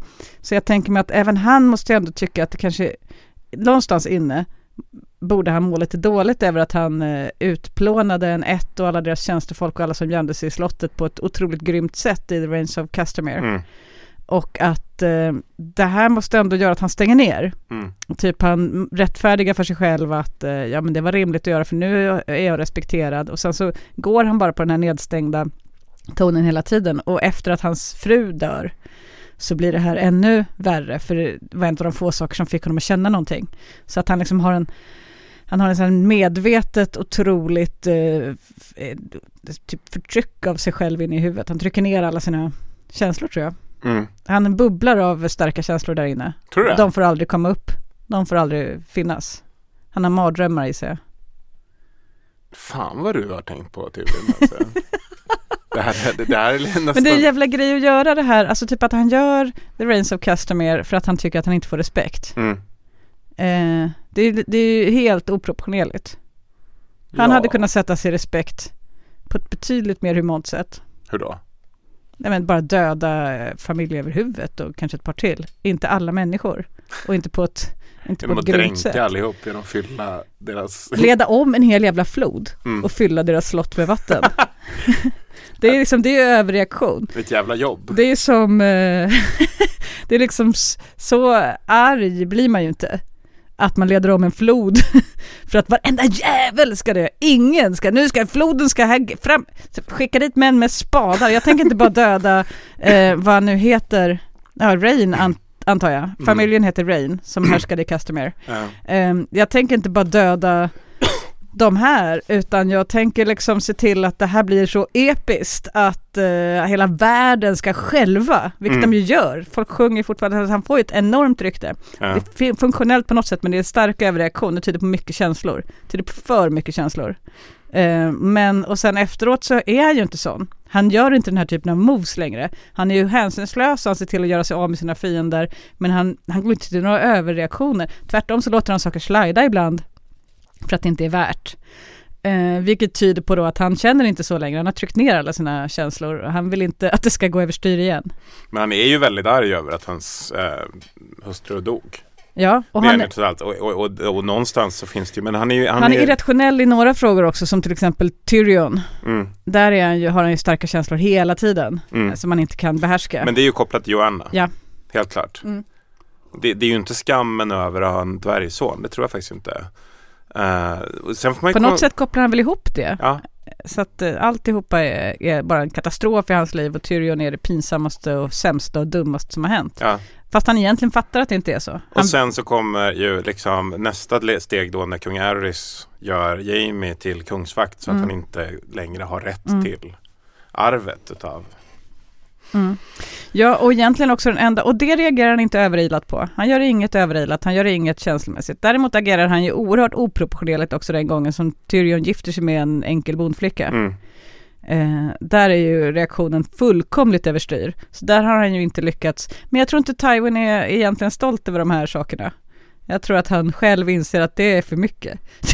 det här är ju bara en galning som beter sig så. Han är smart nog att kunna se skillnad på vad som är galet beteende och vad som inte är det. Och vad som är funktionellt och vad som är för mycket. Fast det låter ju helt sjukt. Det låter ju, en, alltså det låter ju ännu sjukare om det är så här, åh nej, nu har jag gjort det igen. Alltså, Mm. Ja, men jag tror han har ett, eh, ett problem här med sig att han har för starka känslor och för, för, är förhandlingskraftig och kan inte få stopp på sig. Och han, det är viktigt för honom att det vara går ju kontrollerad. helt emot den generella bilden av Timmy Lannister. Mm, men Det det, är måste- därför han är så kontrollerad och rationell. För att han vill inte att det ska bli så här. Han måste nu menar han att liksom, han är en allt eller inget människa. han måste hålla sig själv under stark eh, liksom, intern disciplin. Men tänker du att det är så att, att, att han är en sån här Han kan inte äta en godis i påsen Utan han måste äta hela påsen Nej, jag tror han kan äta en godis. Jag tror han har Nej, alltså det, stark kontroll på, nej, nej, på sig alltså, själv. Men, det men, är ingen godis Det går men, men körs handen ner i påsen då, då är det slut sen nej, för han är så... Han kan inte ta ett chips Det är liksom Jo, han kan ta ett chips, han kan ta ett glas vin, han kan ligga med en prostituerad. Eh, det går inte överstyr, det är liksom inget problem. Men En gång ingen gång, man två trycker- gånger ett folkmord när man trycker på de ömma punkterna då tappar han det.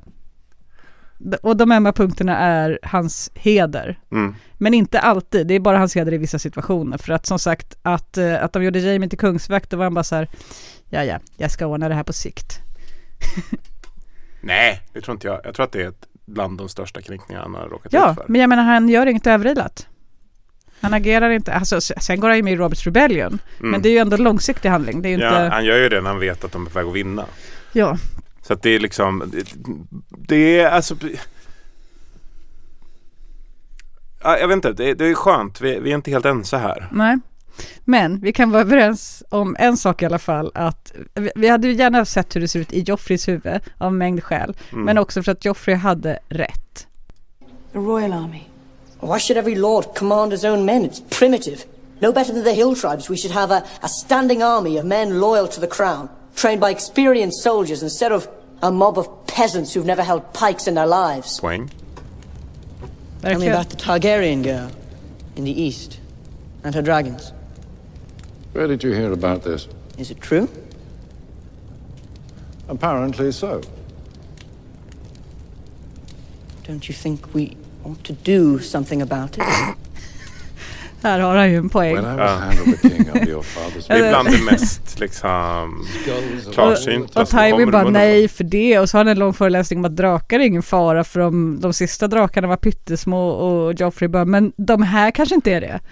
Jo, jo, alla experter säger det, men alltså ursäkta, ja. Nej men Mm. Joffrey har 100% rätt här. Hade, hade de lyssnat på Joffrey så hade Kings Landing stått idag. Fast det var ju ändå så att, att alltså, det, pappa Robert försökte ju ha ihjäl Han den ett par försökte. gånger. Ja, verkligen. Ångrade sig sen. Ja, jo, jo men det var Hade ju... han inte gjort det? Då hade han hon ju inte ens några drakar. Vet du vad det sjuka är här? Nu landar vi återigen i det Mm. här. Ned. Ned. Aldrig haft ett rätt. Han är som Carl Bildt. Hanif Bali, du har en poäng. Ned Stark. Aldrig haft en korrekt analys av något läge överhuvudtaget. Nej. Hade de bara näpsat Daenerys på en gång där. Hade Ja. inte han stoppat Robert och fått Robert att ångra sig lite. Så hade det liksom, då hade vi aldrig sett de här problemen. Men om vi, om vi, om vi, ut, om vi utgår från vad som hände sen och vad som är en liksom rimlig utifrån facit i hand-analys så är Mm. det klart att det hade varit bra om Robert bara hade fått ta hand om Daenerys från start. Mm. Inga problem. Eh, å andra sidan, då hade hon inga drakar. Då var hon bara en, eh, en eh, obetydlig exilprinsessa. Mm. Det, det hände ingen... Men det alltså, här är ingen hönan eller ägget situation. Alltså, Jag- det jag är tänker ju bara att Neds analys- drak- Det är det, också. men det kunde ingen förutse. Alltså analysen att hon kanske kläcker drakägg, den hade varit vansinnig att göra. Mm. Så att jag menar att Neds analys, även om den i efterhand visade sig vara fel, kanske inte var dålig då så att säga. Med, med, med det fakta han hade på hand så var det inte en orimlig analys. Nej. Att det här är inget att oroa sig för, det är omänskligt att hålla på på det här viset, hon är bara en unge. För det var hon då. Ja. Sen, sen visade det sig att hon blev någonting annat, kläckte drakar och det är här Joffrey kommer in och säger så här kan vi inte ha det. Och då är det mycket, det, det är ju ett rimligare läge att göra den analysen i. Nu måste vi sätta stopp för det här. Ja, men jag skulle nog ändå säga att allt är Neds fel i slutändan. För att jag menar, utan Daenerys hade inte muren fallit. Utan Nej men det är också Tywins fel, att Tywin vill inte göra något åt Daenerys. För att ens första tanke där är ju att hade det inte varit för Daenerys hade man aldrig stoppat Nattkungen. Men Nattkungen hade ju aldrig lyckats ta sig över muren utan Daenerys heller. Utan draken där. Ja, och det är Daenerys som flyger över drakarna. Mm. Eftersom hon måste ha med sig tre drakar när hon ska flyga över muren. Det är mäktigt ju. Ja, mäktigt, absolut. Men Dessutom så anar hon väl inte hur jävla illa det kan vara. Det gör ju Nej. ingen. Återigen är det så här. Men ska, ska vi hålla på sådär hela tiden av att vad man, vad man kan ana eller inte? När Man... måste utgå från att ledare fattar beslut utifrån befintlig information och gör någon slags rimlig analys. Ja. Och det gör hon. Alltså man kan inte ana att de har issprit. Rimlig analys här är, jag tar tre drakar. Mm, det, är, det, det, är liksom, det är väl säkrast för vem, alltså, vem hade trott att de skulle kunna döda en drake? Bara Mm. sådär. De har ju, alltså lufteld är ju ingenting eh, som, förrän Kaibun kommer med sina scorpions som de överhuvudtaget har sett så mycket av. Som bara funkade skitbra en gång. Mm. Jag har tänkt på varför gjorde de det? Det måste ju varit för att, eh, alltså de har ju, de har ju en drake har ju blivit träffad två gånger utav de här. Ja. Dels när Bron sköt och dels när Euron sköt. Mm. Och det kanske är de som är sjukt bra på att sikta helt enkelt. Mm. Så kan det ju vara. Att det är supersvårt att sikta med de här. Ja. Kräver verkligen eh, otroliga skills för att pricka. Det kan jag tänka mig för att det är väl som att skjuta pil. Alltså när du skjuter pil så, så har du inte som när du skjuter pistolet så här typ ett siktmärke. Mm. Utan du måste, du måste känna vart pilen ska. De är ju inte så himla beredda de två gångerna när drakarna blir träffade Nej, heller. det är de inte. De, men, men Men så att det är svårt att sikta om man bara zigzaggar lite som Rickon skulle ha gjort.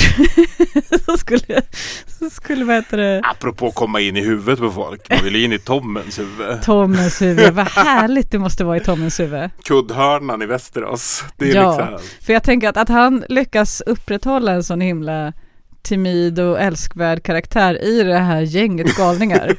alltså han är uppfostrad av Cersei, hans storebror är Joffrey, Mm. eh, hans, hans morfar är, eh, vad heter det, Tywin, hans pappa är en brutal och frånvarande Robert. Mm. Eller det är inte hans riktiga pappa, men ändå.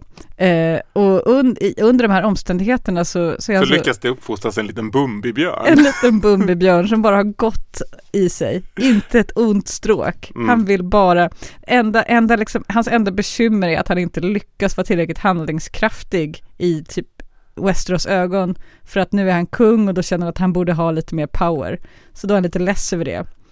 Och, och, och, typ säger till Cersei att jag önskar att jag, önskar att jag var starkare. det är hans enda regret. Äh.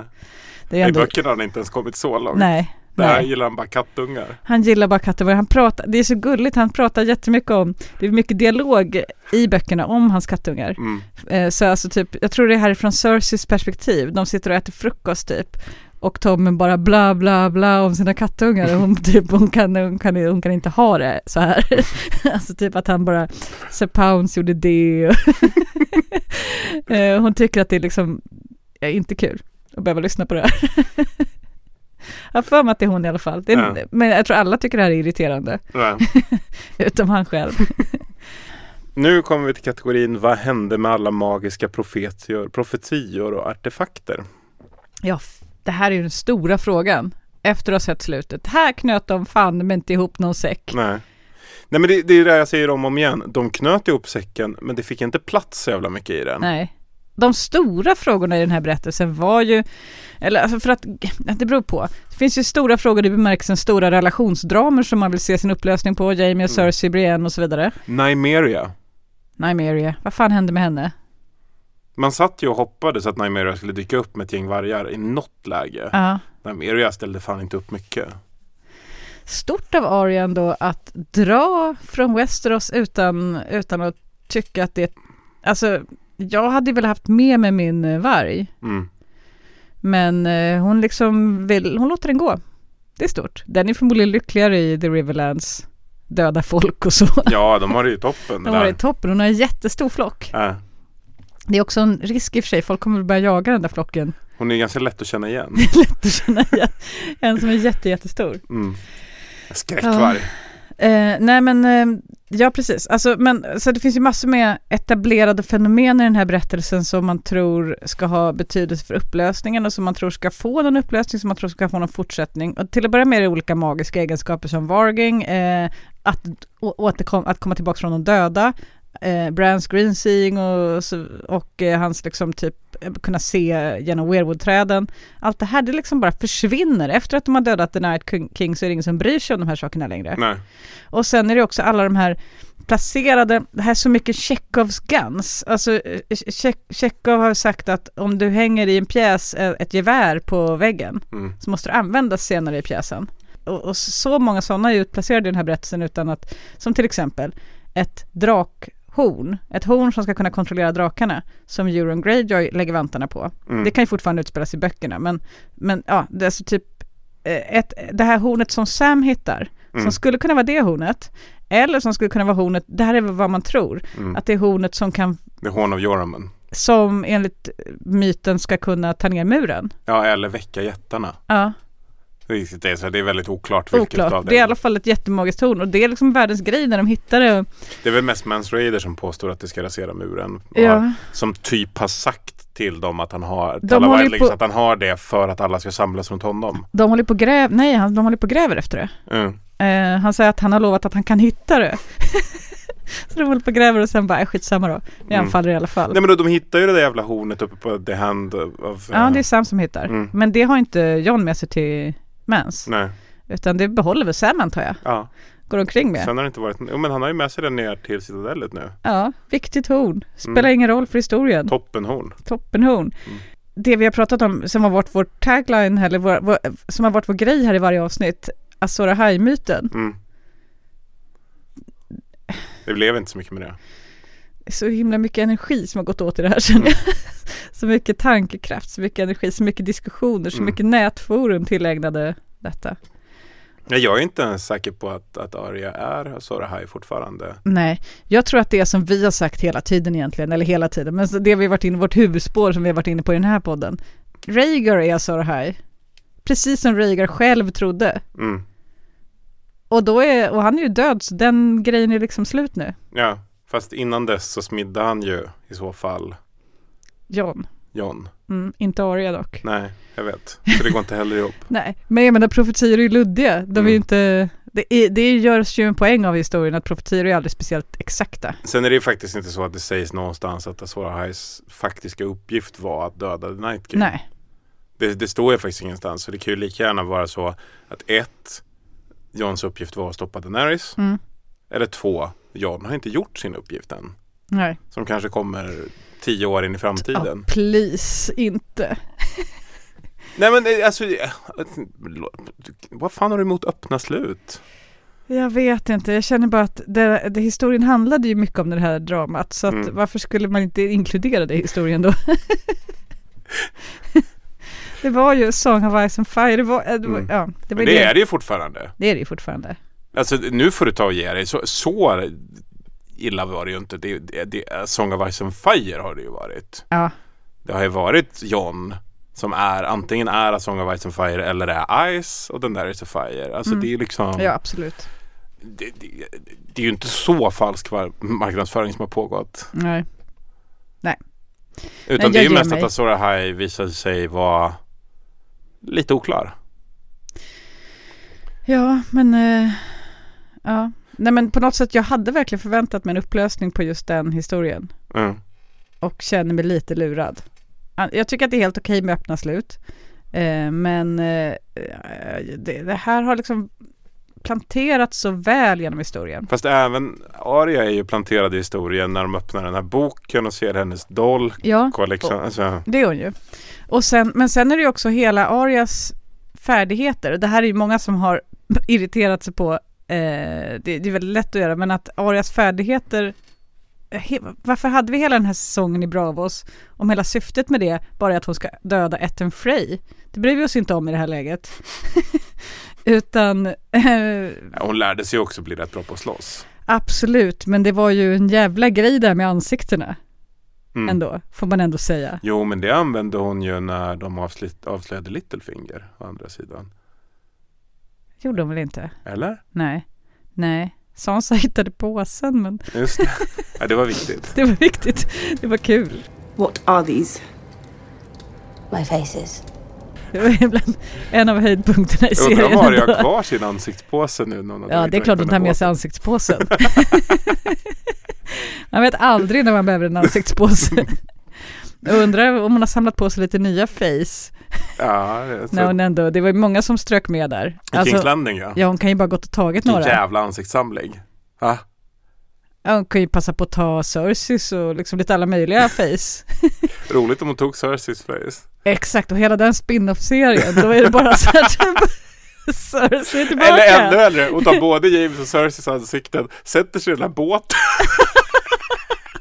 och konverserar med sig hela- själv. Ja, men hon har ju en båt. Mm. Ja, men ja.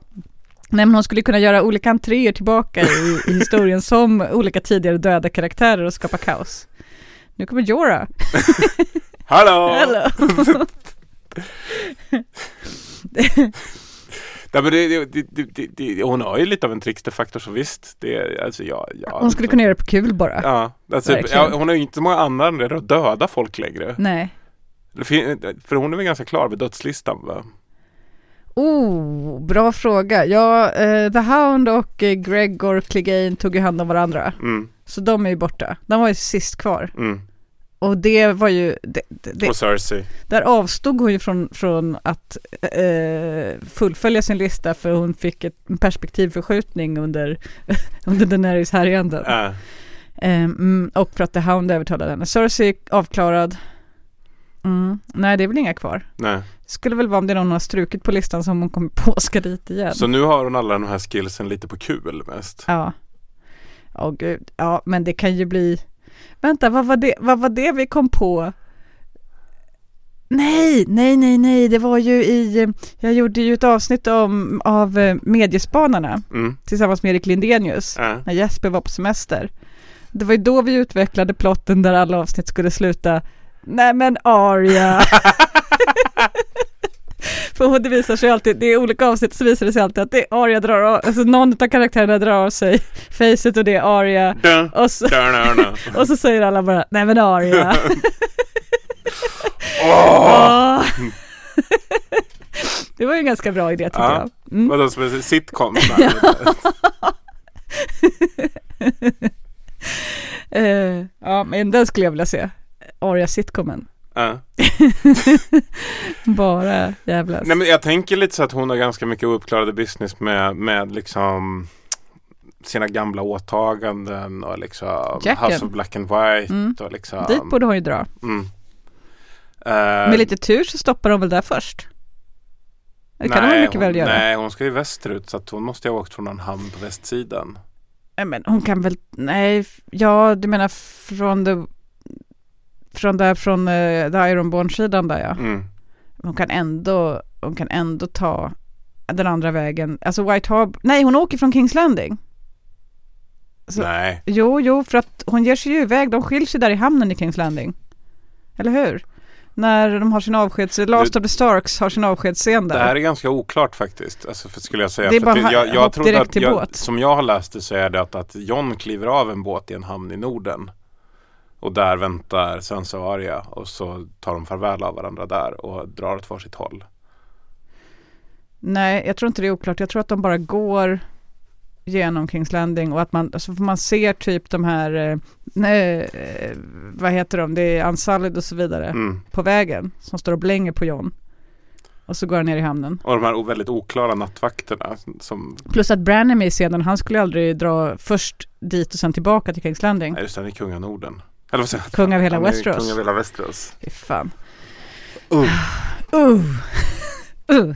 Ja, nej men det, det Så alltså, känner man. Nej, jag, jag, är- jag är inte helt nöjd med Men jag hur- tänker att om hon lämnar, om hon drar med båten från Kings Landing i alla fall, vilket ju hon troligen gör, Mm. då är det ju på vägen Ja. ut. Då kommer Ja, han ju och det är passera. ju inte som att det finns avstånd i den här tv-serien. nej, nej, att- inte, inte för Arya i alla fall. Nej, det kan gå väldigt fort där. Det kan gå fort.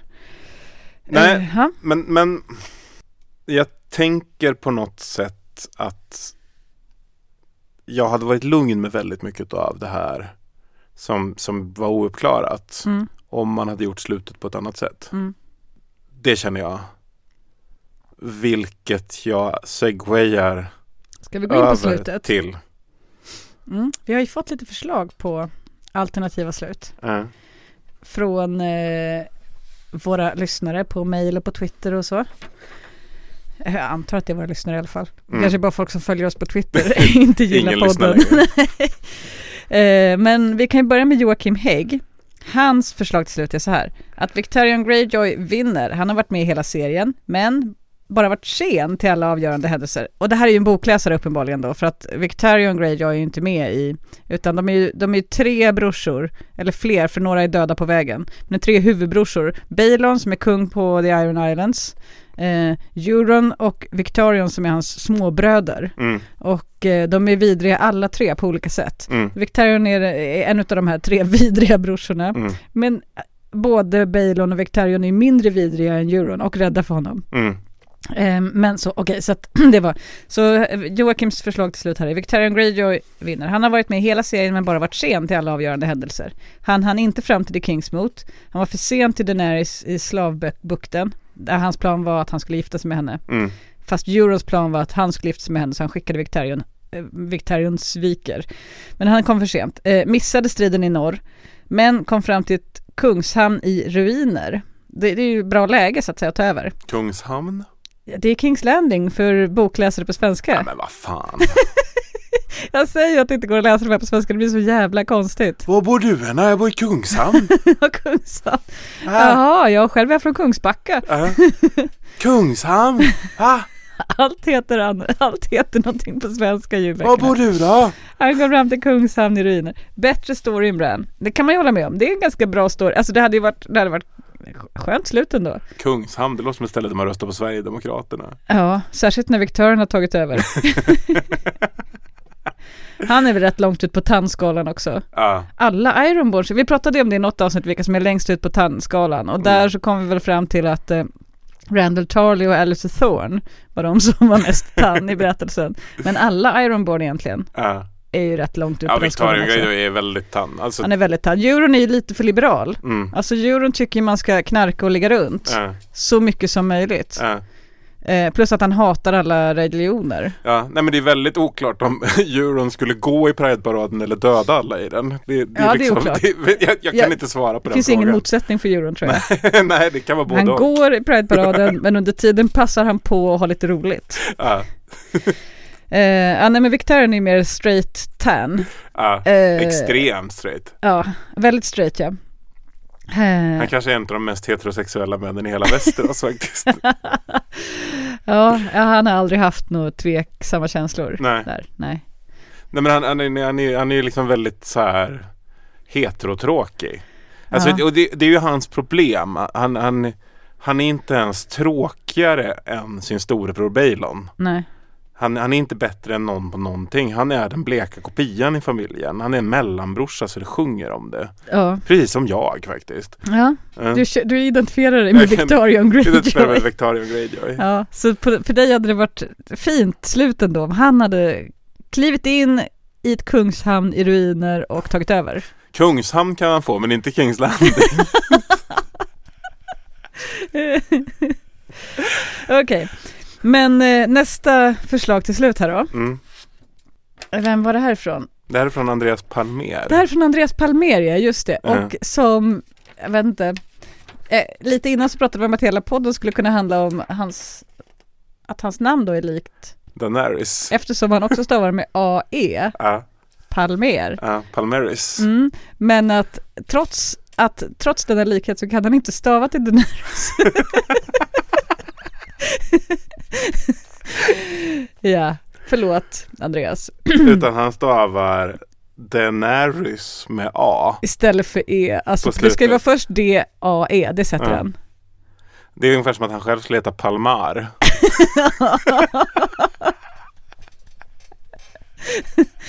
Så Palmar är, men han har, en, han har en jättebra, vi släpper det då, vi låter han komma undan med det här och läser ändå upp hans eh, förslag till Vi slut. släpper det.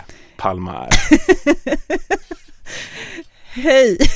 Såg på Insta att ni efterlyste alternativa Game of Thrones slut till podden. Jag hade velat att Arya dog i slutet på näst sista avsnittet. Eh, alltså där, där hon bränner Kings Landing då. Det är näst sista. Nej, han blir Pelmer.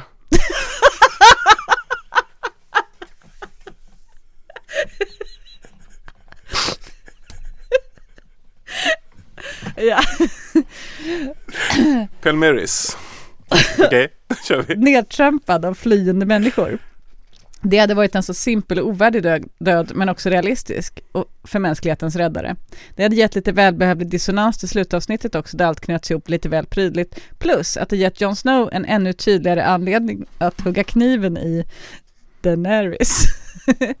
det är ju intressant, alltså för att det där är ju jätteintressant, eller hur? Att Jons motivation för att hugga ner Daenerys där eh, den är ju rimlig rationellt på många sätt, men det, finns, det saknas känslomässiga element i den här scenen, eller hur? Mm, Det här är egentligen piken på hela berättelsen. mm. Den dramatiska piken på en väldigt lång historia.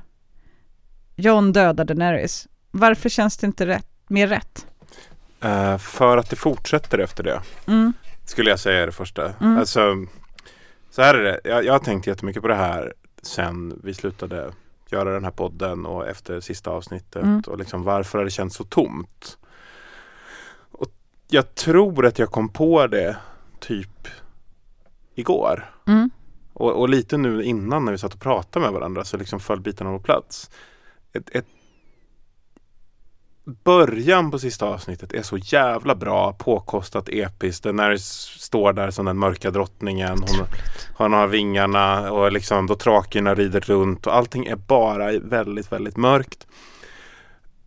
Och sen sätter Jon Snow kniven i henne och sen blir det där jävla avsnittet bara en jävla soppa utav olika liksom plots som ska Mm. redas ut och lösas och fixas. Och man får inte med allt. Och, och, och, och det finns också någonting Vi som, som... skämtade ju innan att det skulle bli som slutet på Sagan om Konungens återkomst. Ja. Och så blev det det. Ja men det blev lite det. Att det, det blev ett extra slut på slutet som faktiskt inte behövs. Nej. Inget av det som kommer där behövs egentligen för att du ska få för full, liksom så här känna att ja, men det här blev komplett. Nu vet vi hur det slutade. Nu vet vi hur det slutade. Vi hade kunnat tänka att vi vet inte om det nu blev John som blev kung, Mm. eller om han hamnade inför krigsrätt, Mm. eller om eh, han dog, Mm. eh, eller vad. Utan det absolut bästa hade varit precis med Romeo och Julia. Och Mm. låta det sluta där. Mm. Och, och lämna det öppet för oss som tittar att fantisera om vad som händer efter det här. Mm. Man, alltså, man kan lämna oss i en känsla där vi förstår Mm. att det här kommer inte sluta bra för John. Nej. Det här kommer inte sluta bra alls. Det är dotraker precis överallt. Det är liksom, det är, det är fullständigt kaos. Men att man var tvungen att klämma in det här billiga rötna rådslaget. För det är också ett Ja. problem med det här. Och det här är tv-seriens Ja, men problem tänk om Romeo och Julia hade slutat med att de har ett, att Capulet och Montagus går i parterapi. Ja. För det är typ vad som händer. Ja, Eller de sitter och fnissar lite tillsammans och reder ut situationen. ja, kommer överens om hur de ska göra för att det inte ska bli så här igen. Ja. Skrocka lite åt demokratiidén. Ja. Den new Prince in Dorn sitter där och skrockar, överkörd i alla frågor ändå. Liksom. Han kommer inte få bestämma ett skit. Och de som sa weak men will never rule Dorn again. så blev det så här. Ja, det blir bara jättetöntigt. och, så liksom, och, och vi behövde inte veta att Bran blev kung. Alltså så här, allt det där kunde ha lämnats i hemliga lådan. Ja.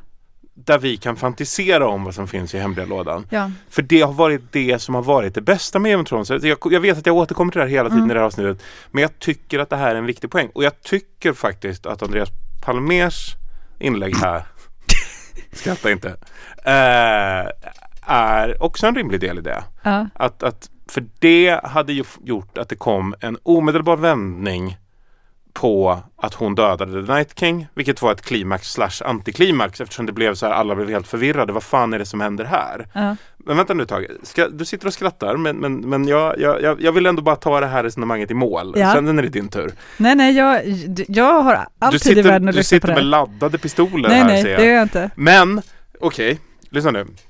Att Arya då dör en neslig död efter det här skulle ha lett till ett ramaskri Mm. bland tittarna. Mm. Men då känner man någonting. Då känner man någonting på riktigt. Mm.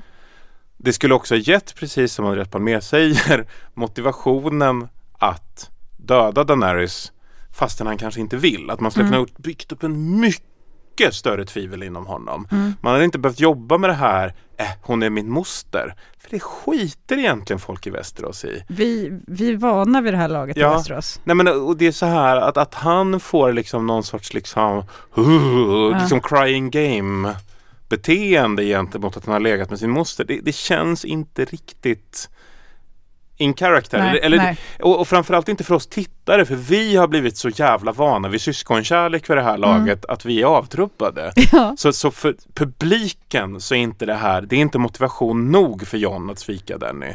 Det är inte heller motivation, riktigt, riktigt motivation nog att hon bränner hela Kings Landing. För varenda jävla kung som har varit har bränt någonting eller mördat en massa folk eller gjort någonting i Västerås. Det finns inte så många positiva exempel.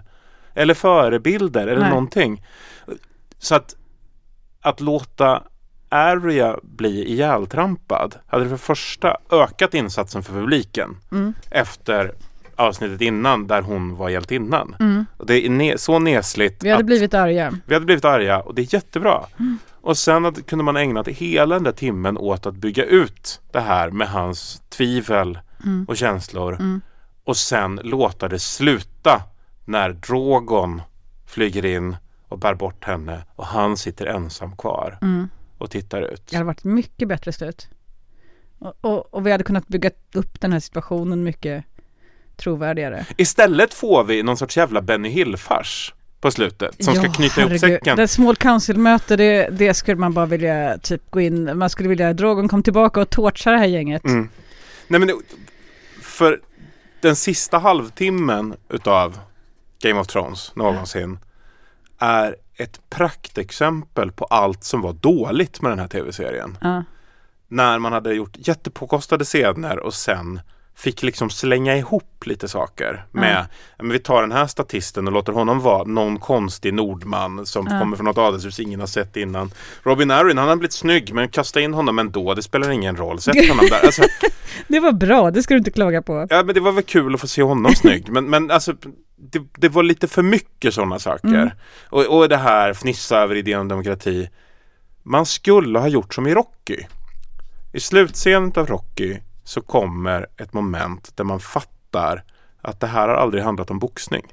Det har hela tiden handlat om hans relation med Adrian. Ja, det är väldigt lite boxning i filmen så det är en hint redan tidigt. Ja, Men, men, men det är liksom det, det folk tar med sig är ju väldigt mycket liksom ja, fighten med Apollo Creed och att han Ja. står upp, att han står som man hela vägen. knappt ser. Som man knappt ser. Eh, men, men det är lite, man kunde ha gjort ett ganska tillfredsställande, väldigt bittersweet ending i det av en Jon Snow som mår skit, som just har dödat sin älskade, Ja. som bärs iväg av Drogon Ja. medan han sitter ensam kvar. Och grejen är att då hade de också behövt bygga upp bättre jag håller med. Det hade varit perfekt att sluta där. Eh, och att man hade behövt bygga upp Johns känslor i någon slags bättre konstruktion. Därför Mm. att, som du säger, det här mostergrejen, fastegrejen menar jag, eh, inte eh, det bryr man sig inte om. Men det är också så här typ, ja, jag förstår varför de måste bygga upp en tvekan inför om John verkligen älskar Daenerys. Mm. Därför att den tvekan måste hon känna. Mm. Eh, Det är det, en av de saker som, som, är, liksom he, he, som, som- som, som gör att hon agerar som hon gör. Mm. De vet inte vem hon har med sig och inte. Hon vet inte om hon har John med sig eller inte. Mm. Eh, så att, att bygga upp en, en, en tvekan inför det, det är rimligt. Det hade man kunnat gjort på, på massa olika sätt. Med fastegrejen eller med något annat. Eller med det här faktum bara att han kanske själv ska ha tronen. Mm. Inte vet jag. Men den, den behöver hon känna. Men sen så behöver man också känna i det ögonblick som han sticker kniven i henne. Så måste man känna att han älskar henne. Mm. Eh, för att man ska få den liksom, önskade effekten av den här setupen som har pågått genom hela serien. Det här Mm. är som allting bygger fram till det här ögonblicket. Och då känner man inte, man känner ju inte med John, utan den, den man gråter för i sista scenen, det är Drogon Äh. som har blivit av med sin mamma Äh. och som eh, tar med henne därifrån. Då känner man verkligen att han, Drogon har gjort en jävla förlust här. Äh. Man känner inte att John har gjort den förlusten. Han har, han har liksom tag, tagit ett, ett viktigt beslut för Westeros framtid. Mm. Han genomför det. Det är jobbigt för honom såklart. Mm. Därför att det är en jävla knäpp grej för hans karaktär att göra. Äh. Men att han dödar kvinnan han älskar, det känner man inte. Nej, Och det hade man behövt känna det tror jag. ja, mycket mer. Och att han dödar kvinnan han älskar därför att hon är ansvarig för att hans lilla, lilla syster dog Mm. också. Hade, det, hade, det hade funkat. Ja, och att han, han ändå slits emellan Mm. de bitarna. Att han förstår, alltså en, en idé hade varit att, att han kanske i bara hennes respons av Mm. att Arya har dött utav liksom effekterna utav Mm. det hon har gjort eh, förstår att hon har blivit galen Mm. På något sätt. Alltså, det, det, det finns jättemycket där men, men det, jag tycker egentligen inte det handlar så mycket om, jag tror att det, var det, det är det som är lite problemet att man var så benägna till fanservice på slutet av Mm. att liksom avslöja vad allting egentligen handlade om. Så i slutändan berättar man ingenting av vad någonting handlade om och man lämnade inte heller någonting kvar till vår fantasi. Nej. Och det är det jag hatar med det här slutet har jag kommit fram till. Mm. Jag hade inte lika stora problem med det direkt efter att jag hade sett det. Men, men när jag har tänkt på det förut, varför blev jag tom inombords? Mm. Så är det för att jag har inga frågor kvar. Eller de frågorna jag har nu handlar mer om manusfrustration än om ett Exakt. vackert mysterium. Ja. Jag håller med, men eh, jag skulle också i, jag har en invändning mot sak, säckar jag är glad över att de knöts ihop ändå efter det här. Jag vet inte exakt hur man skulle löst det manusmässigt, men saker jag inte hade velat vara utan för något i världen är Sansas kröning. Men jag har löst det. Mm. Man parallellklipper det med att Daenerys Ja, mördas. Gud. Att hon hugger Daenerys i ryggen samtidigt. Va? Sansa? Ja, att hon ser till att kröna sig själv Ja, medan ja, det här precis. händer. Medan det här händer. Ja. Kanske över hela Westeros hade Ja. det ändå varit ännu fetare. Men Ja.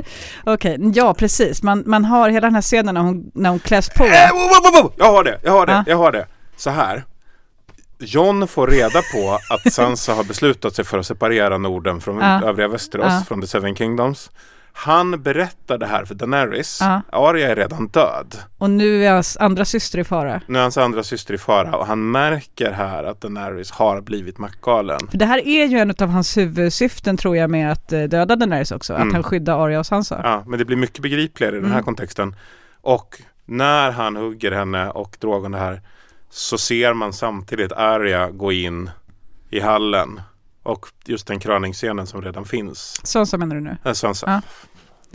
Så ser man samtidigt Sansa gå in i hallen. Så ser man samtidigt Sansa gå in i hallen och bli krönt Ja. medan Daenerys dör. Jag får rysningar. Där hade du fått en, en pleaser också som hade gjort de som hatar Sansa besvikna. Exakt. Men inte besvikna på ett sätt som gör att de inte vill ha mer. Nej. Det är det. Alltså, jag vill inte ha mer efter det slutet vi fick. För att jag var, alltså, jag hatade Ja. The Small Council. Det är så så... Jag vill aldrig mer träffa de människorna. Nej, nej. Och det är så många människor där ute som eh, hatar Sansa Mm. och så många människor som älskar Daenerys. Så Mm. att sätta de här liksom i, i, i, konflikt på Mm. det tydliga sättet, vilket ju hela sista säsongen laddade upp till, Ja. Hade varit underbart. Mm. Och också att hur mycket man än hatar, hatar Sansa, vilket ju folk gör, så Mm. är hon ju inte en skurk, det vet ju alla. Mm. Eh, så att det är liksom ändå, ingen kan säga att det är fel. Nej. Man kan bara störa sig så in i helvete. Mm. Det är härligt. Nej men då får du alltså två saker som vävs samman. Mm. Daenerys blir ond. Mm. John måste döda kvinnan han älskar. Mm. Och han håller, de håller ihop familjen. Det lilla som är kvar. Ja, och vi får fortfarande se Sansas jättefina klänning. Mm. Perfekt slut. Det är ett väldigt bra slut. Alltså det är nästan perfekt. För att precis som i Romeo och Julia. Du behöver inte veta hur man löste släktfejderna efteråt. Nej, det är inte intressant. Det här är hela felet med Sagan om Konungens återkomst också. Mm. Bara helt meningslöst så knyta ihop säcken efterspel Mm. som ingen bryr sig om. Det enda efterspelet Sagan om ringen som behövs är det när Bilbo och Frodo reser iväg. Inte ens det behövs. Ja men det, det var ändå så här när Man han tar ändå- farväl av Sam. För att Det det, är är fint, egentligen, egentligen handlar Sagan om ringen bara om Frodo och Sam. Ja. Precis som att Game of Thrones på ett plan egentligen bara handlar om Daenerys och Jon. Mm.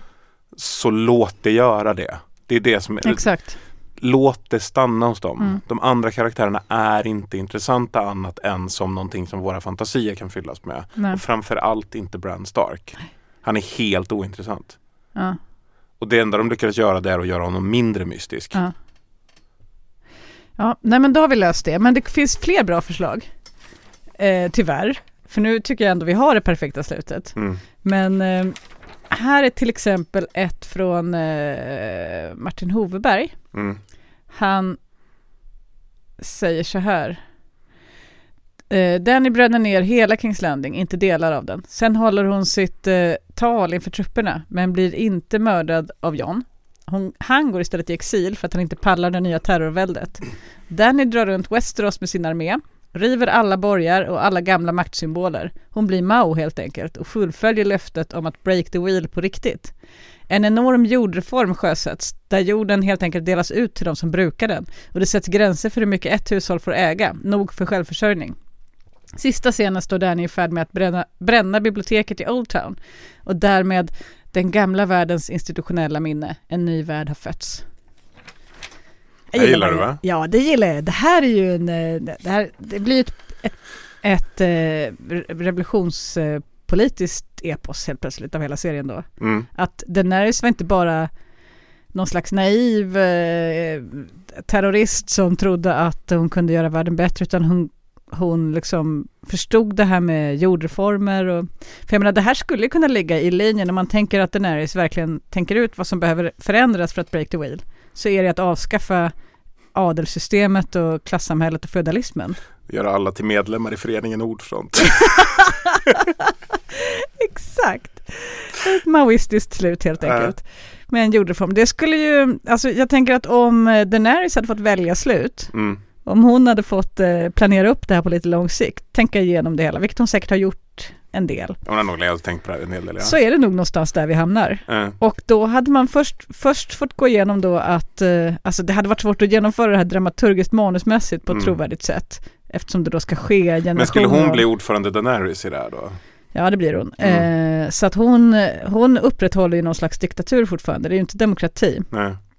Eh, det här med att eh, Sams idéer kommer inte få fäste i, i det här väldet. Ingen från Svensk-Kubanska föreningen behöver höra av sig till oss med att berätta att det visst finns en viss form av demokrati inom ett enpartisystem. Exakt, för jag tänker mig, jo men hon låter ju folket i Marine välja härskare. Mm. Så att eh, hon har ju ett demokratiskt eh, eller hon vill ju i alla fall att, det får vi heller aldrig se ske. Hon, lä, hon lämnar ju Marine i Darios styre Ja. och säger fixa så att det blir demokrati Ordförande här. Dario. Ordförande Dario.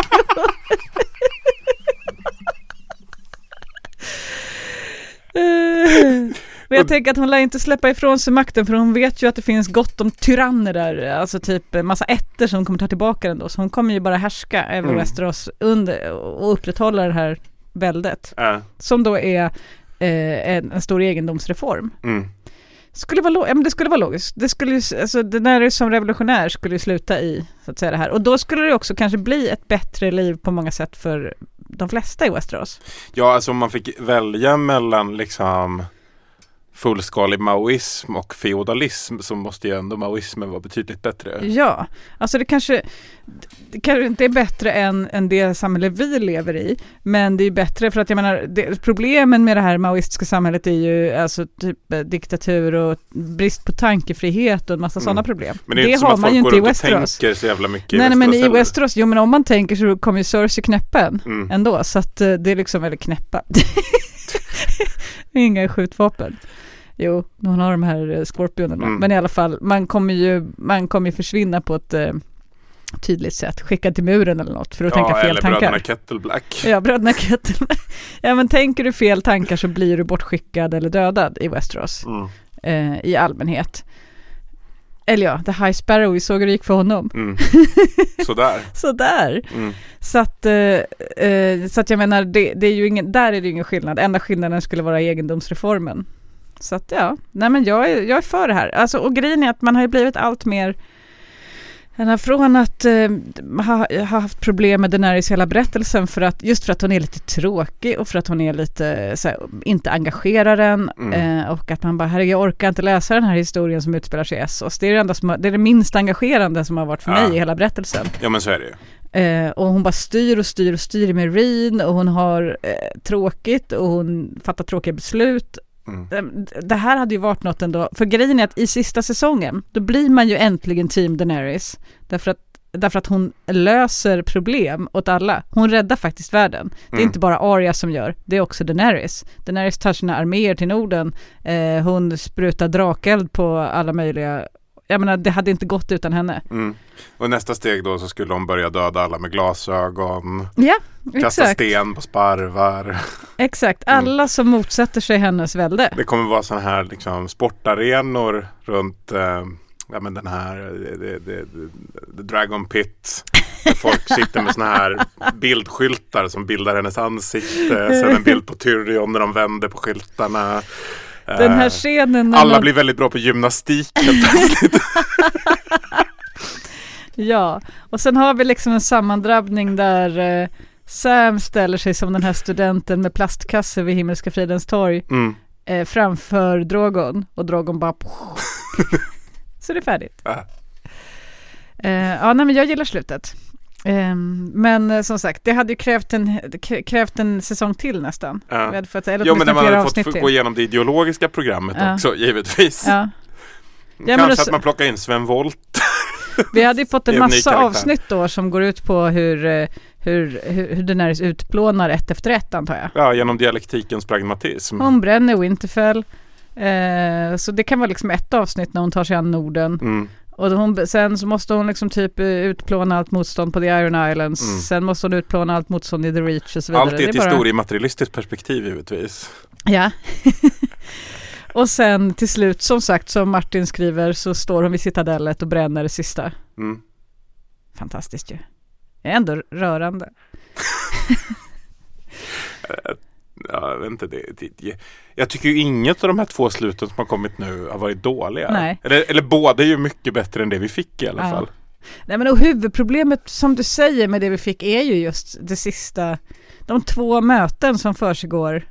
Alltså problemet tycker jag inte, jag har egentligen inget emot att man, att man eh, har den här upplösningen med till, när eh, Stark-ungarna står i hamnen och skiljs åt. Nej. Den hade, den, även om den är väldigt mycket, eh, mycket Sagan om Konungens återkomst så är den ändå fin. Mm.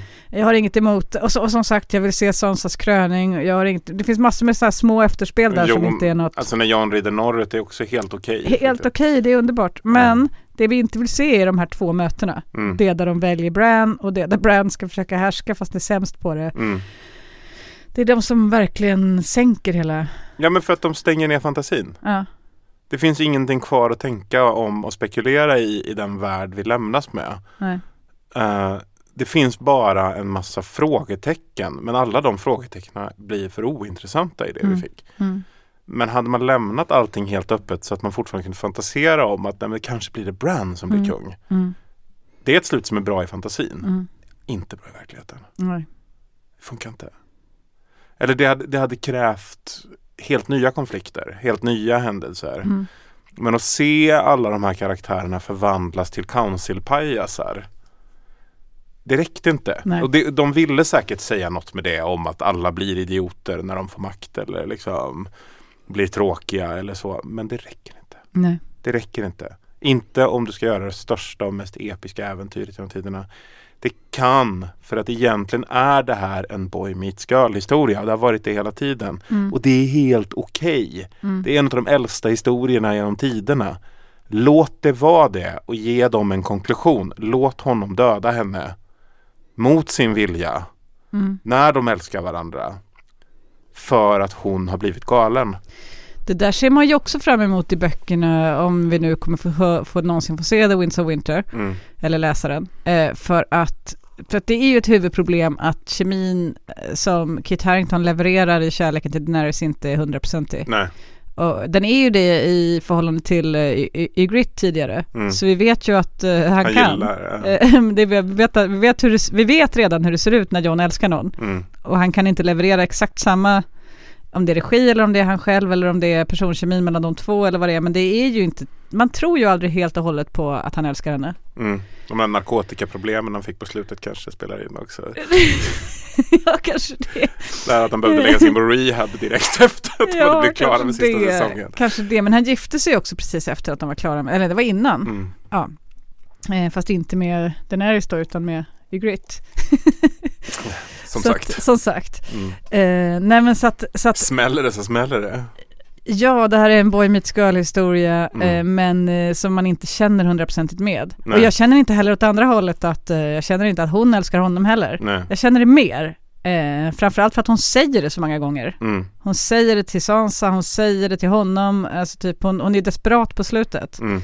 Eh, fan, här har jag gjort allt det här för kärleks skull. Mm. Eh, och också att det är ett karaktärsbrott för henne. Hon har tidigare inte älskat någon, Mm. eh, utom Khal Drogo, men det var ju så här typ mer en vanesak. Mm. Ja, ja, han var schysst ändå.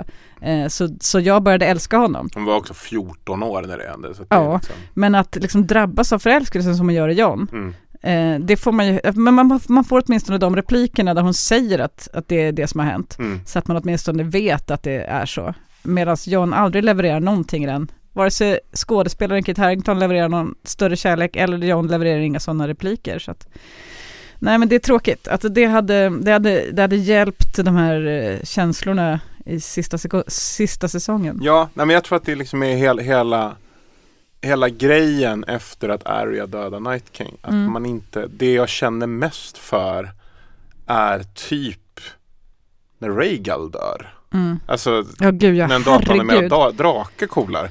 Då kände jag någonting.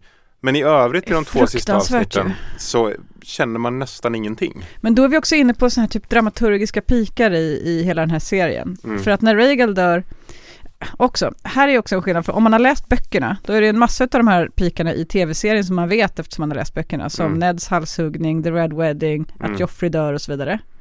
Det vet man kommer hända, när Mm. det kommer hända, för det är ju också likadant. Mm, Så att där har man ju fått uppleva den, den chocken eller den överraskningen när man läste det. Nej. Och då tycker i alla fall inte jag att det är lika överraskande som när det händer plötsligt i, i, i bild. Jag Mm. vet inte varför. Man blir mindre chockad i en text än vad man blir. Men det är också det att drakarna är de minst irriterade karaktärerna på slutet. Till och med Viserion och Rhaegal. Ja. Ja. Nej men alltså det, det är liksom i jämförelse med hur människorna beter sig. För att jag jag kände inte så mycket när Varys dog. Nej, det gjorde inte jag heller. Jag kände väldigt mycket när Rhaegal dog, det gjorde jag. Alltså det Ja. var ju chocken att man inte väntade sig att det skulle hända i det ögonblicket. Mm. Och sen också den katastrofala sorgen över att en av de enda tre drakar som finns dör. Det finns Mm. ju fler Varys än vad det finns drakar i världen. Ja, det gör det ju. Fler spionmästare än, än drakar. Men eh, eh, och också att eh, man ju har connectat lite med Rhaegal när han har connectat med Jon Mm. under de senaste avsnitten. Ja. Men ja, jo det är verkligen en, eh, men alltså man tittar, för jag, det där har jag tänkt på också, om man tittar på en av de största liksom chock snedstreck höjdpunkterna men som ändå är inskrivet från början i historien och verkligen, verkligen hintat, alltså typ det, det är uppbyggt för är ju när Hodor dör. Mm. Eh, och det, impacten som det avsnittet har när man ser det. Mm. Jag tror inte att något haft lika stark känslomässig impact på mig i serien som det. Och jag tänker att det beror också på att jag inte hade läst det först. Nej, Jag visste inte att det skulle hända. nej. Jag var inte beredd. Nej men det, det är ju inte som Red Wedding som jag ändå, nej men det kände jag ju väldigt starkt när jag läste. Ja. Eh, Nej, precis. När man läser Kathleen oroar sig ju hela tiden för att något ska hända mm, inför de åker dit. mm, Han, hon håller på och ältar hela tiden med Rob. Du måste äta brödet och saltet och så vidare så att gästfrihetens lagar, alltså typ, hon obsessar ju över. mm, Jag tycker absolut inte du ska låta dem skilja dig från Grey Wind och sådär. mm. Så att man, där känner man ju med Kathleen att Mm. något kommer hända här. Ja, Och därför är man inte helt oförberedd, nej. som man är i serien. Men Hodors död, herregud. Så mycket som man kunde ha, alltså det här är något man kunde ha listat ut. Mm. Men det hade man Nej, inte. men det, är också så bisarrt att servera ett sånt enormt klimax efter seriens största antiklimax. Alltså Summers död. ja. ja, jo verkligen. Och, och det går ju inte att, eh, det går ju fortfarande inte att se utan att må dåligt tycker jag. Nej. Jag har ju bara sett det en gång efter, efter första gången. Mm. Och det var ju den gången vi skulle spela in Bran-avsnittet. Mm. Sen, men jag skulle aldrig, jag skulle aldrig sätta mig och se det frivilligt nu. Jo, men det skulle du. Nej. Jo. Nej, nej. Andra avsnitt, jag kan, jag kan nöjes titta. För jag är ju sjuk i huvudet. Jag tittar ju hellre på ett avsnitt av Game of Thrones som jag sett fem gånger än jag börjar kolla på en ny tv-serie. Mm. För att jag orkar inte med det känslomässiga engagemanget som följer med nya karaktärer. så, så då vill jag ha samma karaktär, då vill jag se. Men det avsnittet, det skulle jag aldrig sätta mig på och kolla för att, för att jag vill se det. För att det vill jag inte. Jag vet Mm. hur dåligt jag mår om jag ser det. Det är fruktansvärt ju. Det är fruktansvärt. Mm. Är det liksom det mest, eh, är det, är det den dramatiska peak? Fast det är ju inte en dramatisk peak på storyn. För det är en dramatisk peak på en enda människas story, Hodors. Vad hände med det här? Det är ju inte så många nu för tiden som kör den här Hodor. Alltså att i alla kommentarsfält Mm. så skulle man skriva Hodor först. Han dog. Mm, det dog ju lite ut efter det. Jag Ja. tycker inte, det borde inte dö ut. Man det, fattar ju helt plötsligt vad det betydde. Alltså det var Ja. väl lite av Ja, problemet det- var väl ja, att det exakt. kom ju de här långa skämt liksom så här Hodor-kapitlen där det bara står Hodor, Hodor, Hodor, Hodor, Hodor. ja. Var jätteroligt och alla tyckte att det var kul Men det är inte så kul när vi har sett det där avsnittet. och vet att han var helt normal från början och sen blev pajad av Bran som pressar honom att leva ett helt liv som bara handlar om att han i slutändan ska, Ska- stå och trycka sig mot den där dörren. Och han vet det. Och det är så här, det tycker Jon Snow är helt okej. Han kan bli kung. Han är bara liksom så här, liksom Men du, en människa tror du verkligen... leva i jag, ständig tortyr. jag tror inte att Bran har berättat det för folk. Nej, kanske inte. jag, om jag var Bran skulle jag inte dra den här storyn. Det ligga lågt på den. Nej, Och eh, jag tror inte ens han har berättat för Mira vad som hände. nej. För att alltså, typ, det, är bara, det är bara Bran som i dåtid kan se det här. Mm, Så att jag tänker när, de, när och han, när släpar honom på den här granen genom, mm, genom Norden mm. för att ta honom till muren, då, då tror inte jag att, eh, att de pratar om det här. Nej, det är ju lite hennes fel också. Det är faktiskt hon som hoppar.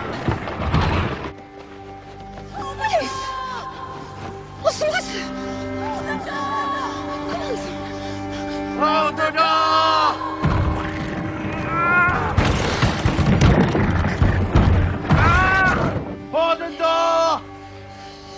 the door! Hold the door!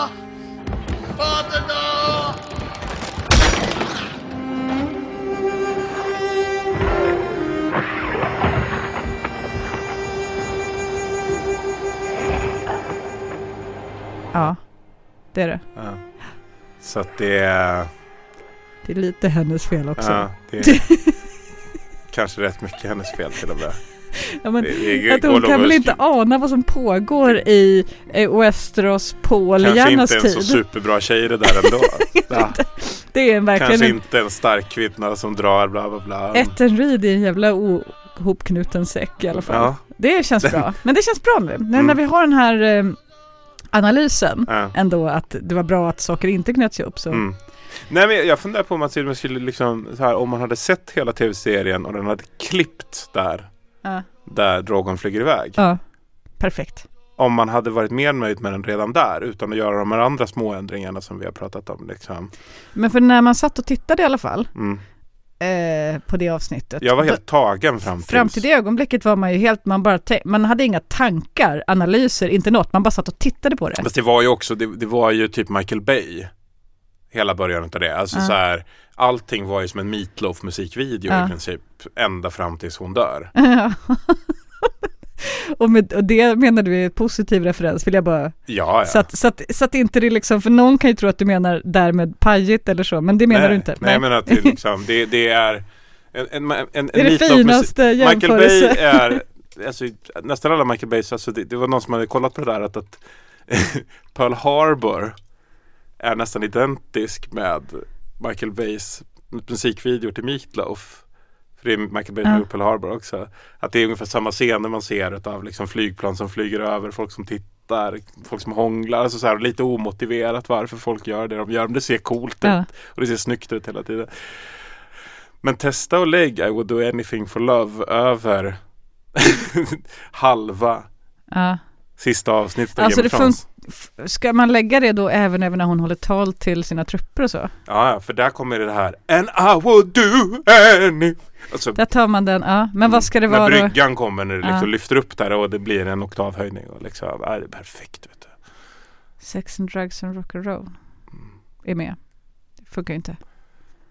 Ja men det, det är bara känsla. Det Ja. behöver inte, alltså, det, det- ser du något sex and drugs i, i, i själva videon där? Meatloaf är ett jävla monster som Jag- springer runt i en... Minns faktiskt inte. Jo, just det, han är Skönheten och odjuret-storyn är det. Precis. Just det, nu minns jag den. Mm. Så Mm. att det nej, men så som sagt, och, och jag hade gärna sett att det bara fick sluta så. Ja. Kanske till och med med den låten som går på när Drogon flyger iväg. Nu tycker jag att eh, det, de, det score som ligger där faktiskt är sjukt bra. Mm. Så att det, är svårt, det är svårt att toppa Mm. scoret på sista säsongen. Mm. Alltså för att överhuvudtaget, det är svårt att to, toppa scoret på hela den här serien. Men eh, fan vad han har isat Ramin Javadi Mhm. på eh, sista säsongen tycker jag. Jag lyssnar ofta på scoret fast jag måste hoppa över för Cersei och sådana låtar. Eller ibland gör jag inte det men då börjar jag ju också gråta. jag vet. Man ska inte dela med sig för mycket av sånt här Nej. kanske egentligen. Ehm, nej men, ja men så att den, okej man pratar om vilka som är de dramatiska höjdpunkterna. Så, så för mig så ligger de ju väldigt mycket i de händelser som jag inte först har läst i böckerna utan som ligger i sen. Men jag skulle nog säga ehm, alltså typ när man bara ser tillbaks på hela serien scener som kommer tillbaks från ens huvud. Hodor såklart. Eh, jag menar även, alltså det är klart att det kommer tillbaks när scener som Joffreys död och sådär. Den är en slags ständig referens i huvudet. Mm. Eh, The Red Wedding tänker jag i princip aldrig på. Nej. Eh, det dyker inte upp som så här typ, ah just det, det är precis som det Fast det, för många andra är det uppenbarligen så. Mm. Eh, Neds halshuggning tänker jag ibland på, men kanske oftare på liksom andra scener som ledde fram till det. Ja. Nej men det, det är för att det, den plotten är så stark. Ja. Men jag tänker ofta på till exempel, och det kanske inte är en dramatisk höjdpunkt, men man tänker ofta på samtalet som eh, Tyrion och Jamie hade i fängelsehålan. Mm. Man tänker på Eh, man tänker på, jag tänker på från, alltså scenen som Sansa och Theon delade i några sekunder Mm. eh, i slutet in, inför slaget om Winterfell och så vidare. Det är mycket Mm. sådana saker som bara kommer Hela tillbaka ens Battle of the. Bastards i och för sig. Ja, verkligen, hela Battle of the Bastards. Jag tänker ju förvånansvärt ofta på Small John Bolton. Eller vad heter det? Umber. Vilken jävla skithög alltså. Ja, verkligen. Alltså, Great John var ju en sån jävla härlig människa. Sveket när han kommer och slänger upp eh, Shaggy Dogs huvud på, på en bänk. Who's this? Rickon Stark.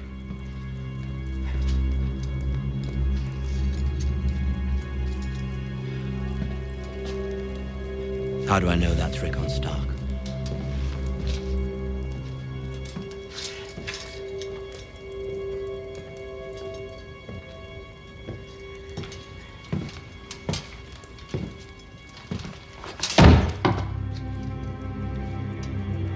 Det är fan inte kul. Praktarsle. Ja, verkligen. Ja, ja men det var en bra säsong. Mm, det var en bra. Är det den bästa säsongen? Det kan nog ha varit den bästa säsongen. Alltså, alltså så länge Ramsay Bolton var med så tyckte jag nog att hela serien hade ben. Verkligen. Och flög. Ramsey Bolton var en väldigt stark skurk. Ja, Och inte, som vi har konstaterat, inte oälskvärd. nej. Som Joffrey som ju svår ä- även om han hade rätt, Mm. historien gav Joffrey rätt, Mm. men han är ju inte någon man, eh, man är ju bara glad när han dör. Ja, 100% nej, men, glad. Nej, men alltså, det, det, det är ju, vi har ju pratat om det här förut, Ja. men det är ju, Joffrey är ju inte en livsnjutare på samma sätt. Nej, han är, han är, han, han är spänd och Ja. frustrerad hela tiden. Ramsey, han mår Ramsay bra. ju, är ju liksom som en mordlusten Timon och Pumba-kille. Det är liksom, Ja, han, ja han njuter av livet verkligen. Ja. Han älskar Ja, det, det, sitt det, liv. det, det är liksom en mordisk Hakuna Matata tillvaro. Ja. Det, det är och in i det sista därför att han älskar även risken med det han håller på med. Mm. Eh, det här faktum att han själv kan bli dödad, det är liksom inget jätteproblem för honom. Det är en Nej. del av samma sköna livsstil Ja. som han verkligen gillar. Så att, Han är som den där killen vi träffade i somras. Han som levde för Faran. ja, då får man liksom typ, man som vill, var man på vill ha semester den. med sin mamma och det blev för tråkigt på Mallis. Han var tvungen att gå och kasta sig ut för ett stup för att få leva lite farligt en stund. Ja, fast Ramsey Bolton, jag tycker inte vi ska dra några andra slutsatser om hans karaktär i jämförelse med Ramsey Bolton. Men just Nej. den aspekten. Mm. Jag tror inte att han typ torterar folk Nej, eh, för kicks. nej. Nej, Han, Han sköt en del fjällrävar. det gjorde han ju inte. Det, det gjorde han inte inom citattecken. Han bara hjälpte till med kommunen att ta tur med rävproblemet citattecken. Okej, okej, okej. Ja, eh, ja men precis som Ramsey Bolton med andra ord. precis. Exakt. Exakt. Exakt som Ramsey Bolton. Mm. Han har säkert en tuta också. Ja, Nej men verkligen, det var en bra, en bra, en väldigt bra, eh, också att den vart ju väldigt lite vila, alltså även om den säsongen går ju ut på att John kommer tillbaka från de döda. mm. Så att den vilar ju starkt på magi i den aspekten, men det är inte så mycket, alltså det är inte det man går och tänker på. Nej. Man bryr sig verkligen om, man bryr sig verkligen om att de ska ta tillbaka Winterfell, att de ska få tillbaka de gamla lorderna på sin sida. Mm. Eh, och, man bryr sig, och det är de karaktärer som man har engagerat sig mest i, eh, förutom Lannisters då. Mm. Så att, eh, ja. Men det är också så här, det, med sista säsongen så är det också så att de starkaste episoderna är de två första. Och det är ju för att där återknyts en, en kärleksrelation som är på riktigt. Mm. Och det är kärleken mellan Ned Starks barn. Mm. Precis som i den säsongen när Sansa och, och, och John träffas igen. Och man, Mm. det liksom känns i hela kroppen. Mm. Liksom, Gud, det gör det när verkligen. de första Stark-barnen möter Ja, varandra visst. igen. Det gör det. Eh, och det är samma sak där. När, när, och nu ska Daenerys träffa allihop också. Ja, Och så märker man att det börjar skaka relationerna inom familjen. ja. Vilket också så här, kanske är lite obehagligt att den där familjen är så... Tajt. äh, vi blir i familjen. Ja. Här, alltså de är verkligen en sån där familj som låter liksom, gästen sitta på rummet medan de äter. Det är inte en familj där man släpper hem en ny pojkvän eller flickvän liksom. Nej. Ja eller det kan man göra men hon kommer ju få sitta uppe på Man rummet på rummet, kommer inte vara en del av familjen. Nej. Nej. Kul att du kom Daenerys och att du tog med dig dina arméer. Mm. Får vänta i hallen. Ja. Ja. Nej men också den säsongen, eh, Battle of the Bastards säsongen, där så är också hela eh, Cerseys eh, rättegång. Mm. Alltså eh, historien om när, när hon utplånar hela Kings Landing. Mm. Det är ändå inte de saker som lever kvar. Okej, det här måste vara seriens dramatiska peak.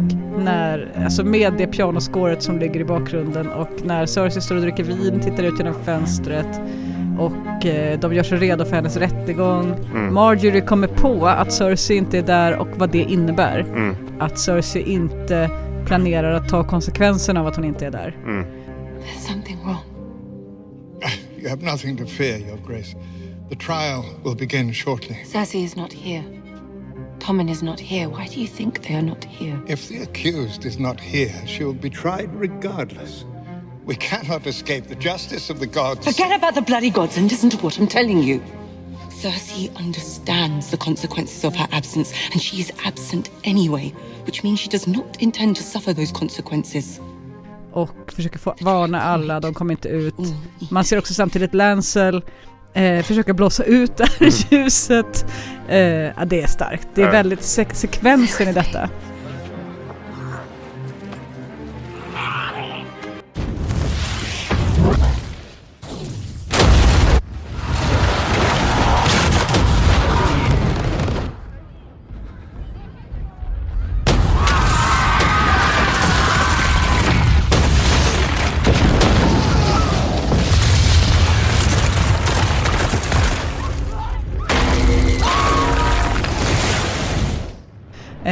Och sen när allting sprängs och man, och man ändå där man är ledsen för Marjorie's skull, Mm. givetvis, eh, för att man tyckte om Marjorie. Men man är också rotar ju lite för Cersei för man vill inte att hon ska bli dömd i den här rättegången. Man Nej. vill inte, alltså, eller jag vill i alla fall inte se det i det läget. Så att jag är också glad över att hon kommer ur den här situationen. Och jag tycker att hon har på något sätt förtjänat sin hämnd på folket i Kings Landing Ja. eftersom, med vad de gjorde mot henne. Mm. Men eh, se- sen, och sen liksom när den här musiken bara fortsätter och man ser Tommen ta av sig kronan, lägga den på något bord eller något, gå ut till fönstret och bara hoppa ut. Alltså hela den sekvensen är otrolig. Fast jag tyckte det fanns något komiskt med Tommens. Gjorde det inte. Men han kunde ha tvekat lite. Eh, Det här var ju lite så här. Det nej det var det inte. Du, om man hade stått där bara, ska jag hoppa? Nej jag ska inte hoppa, ska jag hoppa? Nej jag ska inte hoppa. Hade det varit bättre? Men han kunde ha sagt något. Eller han kunde, alltså, men jag vet inte. Det, Nej, för det hade inte, alltså, typ, ja, alltså okej, story, storymässigt så här, han kunde ha sagt något, men samtidigt det är så vackert med tystnaden. Mm. Det är så vackert med att den här, att den här händelsen att han hoppar ut genom fönstret, man anar att det ska hända när han tar av sig kronan och går fram till fönstret. Mm. Man tror man ska få mer tid, men man får inte mer tid. Nej. Utan han bara försvinner och det blir ing, det finns ingenting någon hade kunnat gjort åt det. Därför att det går så snabbt just. Mm. Och det sker i tystnaden och det sker mitt i Cerseis triumf. Samtidigt som hon typ är nere och torterar Septa Unella i källaren.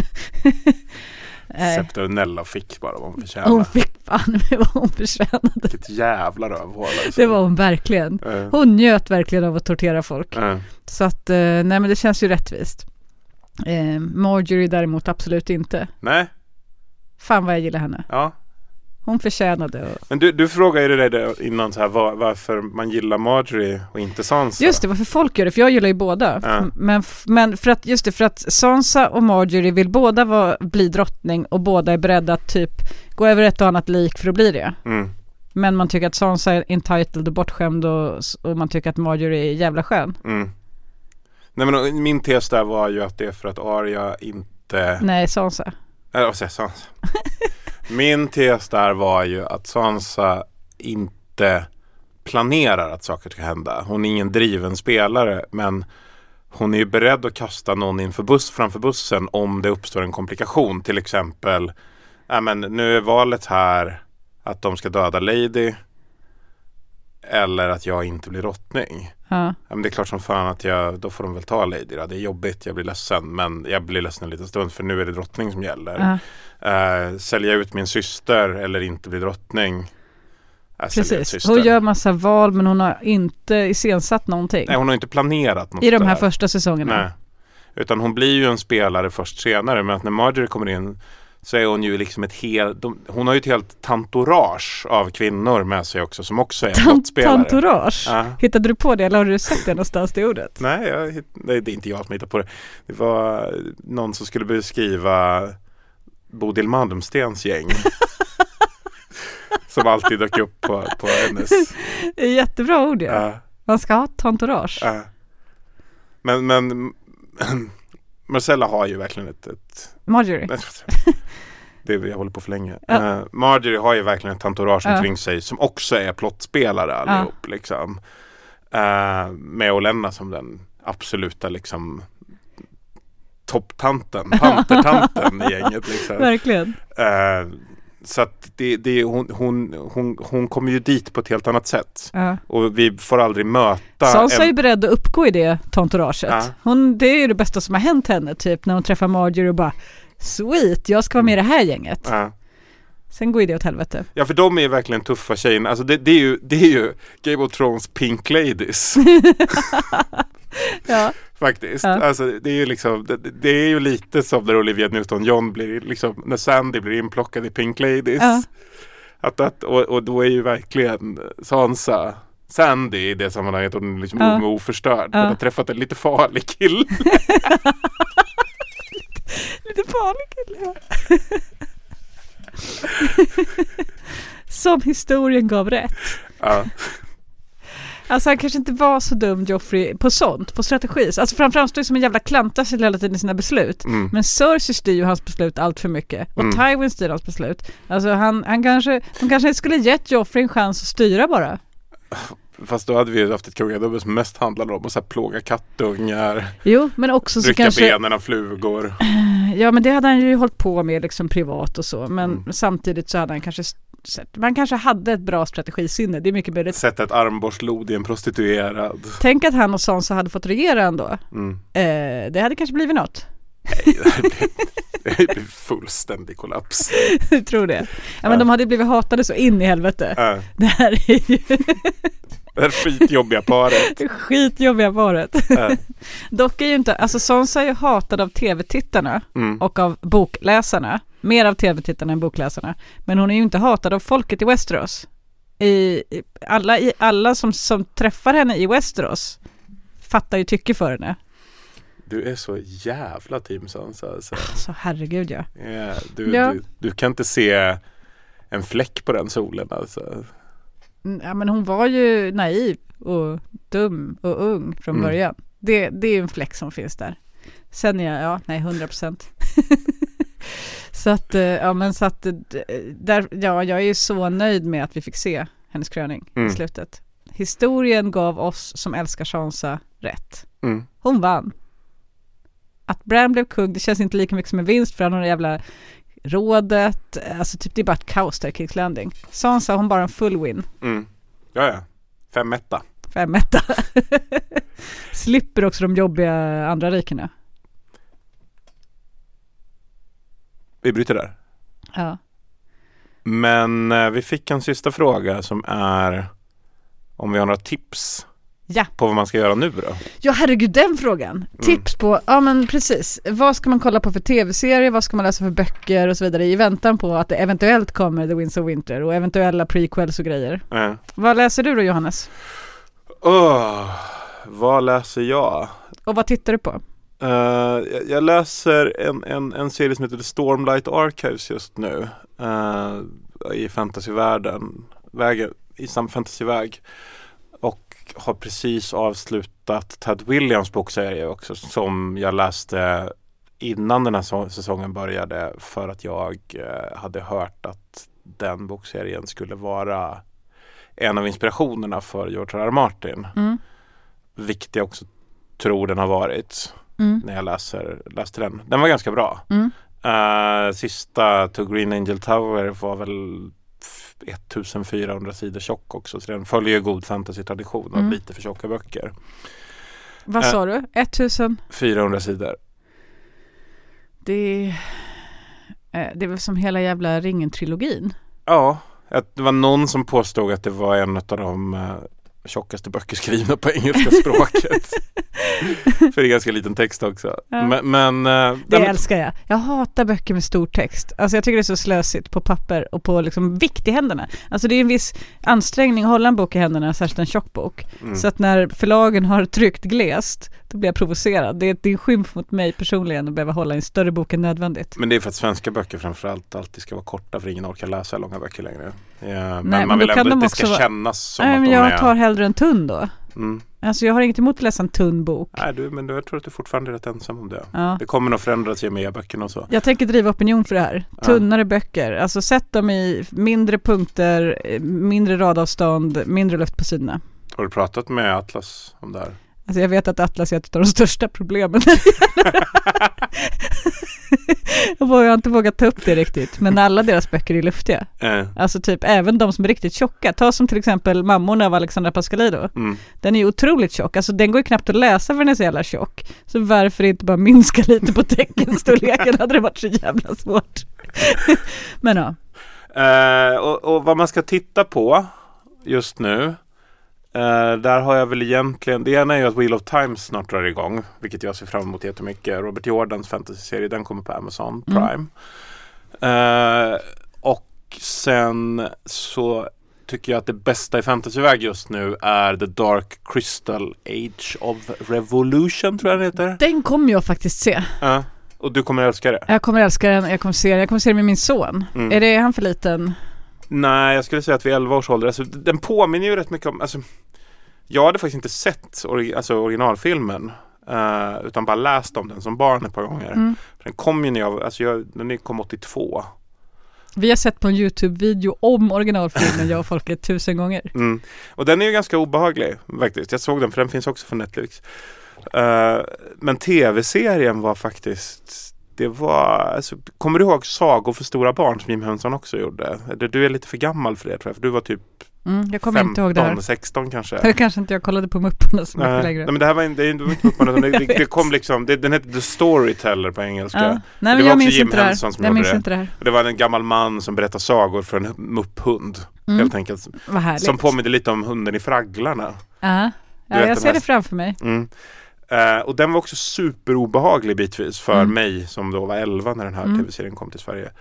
Eh, och det här var liksom, jag hade, jag hade samma känsla. Alltså, de här de här monstren som styr världen och hur de manipulerar det här gelflingfolket. Alltså, det är ju då ett dinosaurieliknande folk som har tagit över den mörka kristallen och suger livskraft ur den och som sen kommer på när de börjar få slut på jordenergi Mm. att, att de ska börja äta sina undersåtar. Mm. Helt enkelt. Så det finns ju någon sorts liksom väldigt vuxen underton i det. Men det här är en dockserie som är gjord av Jim Henson-studion.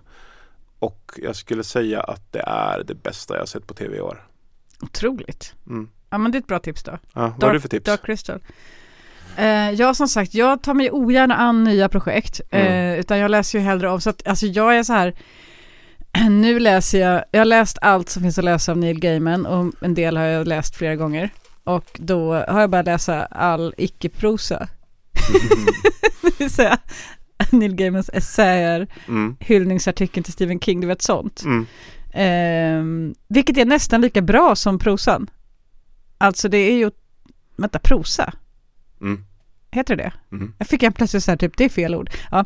Nej, men eh, det, så det, nej men så att om man inte har, om man är fantasyälskare och inte har upptäckt Neil Gaiman, vilket är osannolikt men fortfarande möjligt, så kan man eh, läsa de böckerna. Alla, Mm. alla, vilken som helst, ta vilken som helst. Men eh, eh, hans eh, opus magnum, heter det det? Eh, det är väl eh, American Gods. Är det Sandman? Sandman, ja men Sandman är ju en, gra, en, en grafisk novell, alltså det är ju en serie. Så du tycker inte Eh. det räknas för det är inte riktig litteratur? Serier, det är för barn. Jo, men det är inte säkert att man är, jag tänker så här, antingen är man serieälskare Mm. och läser serier och konsumerar serier och då, eh, då passar det med, alltså då har man redan upptäckt Sandman för länge sedan. Mm. För att det är en av de största liksom, typ, grejerna som har hänt där. Och om man inte är serieälskare, då vet inte jag om man ska börja med Sandman. Jag hade nog sett Sandman och Hellblazer som två av de bästa introduktionsserierna för någon som inte läser serier men gillar fantasy. Men jag tror inte riktigt den kombinationen He- finns. Hellblazer tycker jag är lättillgängligare i så fall. Mm. än vad Sandman är. För att Sandman är lite, alltså det kan jag tycka själv, alltså för att när jag konsumerade riktigt, riktigt mycket serier, eller jämt läste serier, då var, det, då var Sandman lättläst för mig. Mm. Nu är den inte det, nu när det finns ett visst motstånd i, i, eh, i bilderna. Ehm, det är inte superlättillgängligt, tänker jag. Jag tycker hans noveller är, mm, eh, vad säger hans romaner är mycket mer lättillgängliga än vad, hans, eh, än vad Sandman är. Mhm. Men eh, Sandman är en fantastisk panteon eh, som är, alltså typ, han har skapat en religion eller en världs, en, ja, en världs, ett världsfundament utav mysticism som är eh, väldigt, eh, det låter jättekonstigt att säga trovärdig utifrån vad det faktiskt är han har skapat. Ja. Men den är det. Den är fullkomligt trovärdig. 100% trovärdig. Japp, världen styrs av sju syskon som heter saker på D. Så är det. Destruction, Delirium. Despair. Despair, Death, Dream. Ehm, Destruction har ju förresten avgått. Mm. Så han, han, han jobbar ju inte kvar på sitt jobb. Destiny och ehm, Delusion. det är väl Delirium. Mm. Som förut var Delight, hon har bytt inställning bara.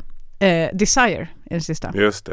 De. Och de har olika karaktärer och de är liksom typ styrvärden. Men sen finns det också alla andra gudar är också med i den här världen. Så att eh, helvetet finns fast det, det stänger. En utav, det är en av de bästa storiesna. Mm. När, när, när, när de stänger, helvetet är tomt. Och sen, eh, eh, alltså de vanliga gudarna, det finns alla sådana här typ egyptiska gudar och så. Det här är nästan en slags för, förberedande övning inför American Gods. Mm. Som ju är liksom den sammanhängande världsbildshistoria han har skrivit som eh, finns i, novell, i, i romanform. Men sen har han också skrivit alltså typ jättemånga eh, helt orelaterade historier som bara finns i sin egen rätt. Som till exempel The Ocean at the End of the Lane, ehm, The Graveyard Book och så vidare. Som inte är relaterade till de här historierna. Som också är jättebra. Så det är mitt bästa tips. Och om man hatar att läsa böcker och bara vill se på tv-serier så kan man ju se American Gods som tv-serie. Mm. Den är dock eh, inte fulländad skulle jag inte säga som tolkning. Men den är fullt tillräckligt bra. Och när det kommer till Neil Gaiman-tolkningar så har du ju också Good den? Omens, Good Omens. som Den, han och Terry Pratchett har skrivit. men den tyckte jag var ganska dålig. Man måste verkligen älska humor för att, för att gilla den. Du, jag älskar att ha skoj och jag hade rätt svårt för den ändå. jo, men den är ju liksom, den är inte riktigt på allvar. Jag uppskattar ett gott skratt lika mycket som... Men det är ju en ängel och en eh, demon Mm. som eh, samarbetar för att stoppa Armageddon Äh. som både himmel och helvete vill ha för att de Mm. vill ha det här kriget, det är förutbestämt. Men eh, båda de här har, har eh, olika... Man börjar gilla jorden. Man börjar gilla jorden och människorna och de vill egentligen inte ha Armageddon. Mm. Så de eh, gör sitt bästa för att stoppa det. Det är en kul historia. Mm. finns så mycket tv att se Ja. just nu. Det är en briljant tid att leva i. Doom Patrol. Doom Patrol, oj vad bra. Ja, gud. Det Den- måste alla se. Den måste alla, ja verkligen, verkligen. Mm. Det är inte fantasy riktigt i, i Det är ju superhjältar. Det är superhjältar fast det är också jävligt konstiga superhjältar. Mm. Det är inte normala superhjältar. Det är, det är liksom karaktärerna är till exempel en gata som heter Danny. Mm.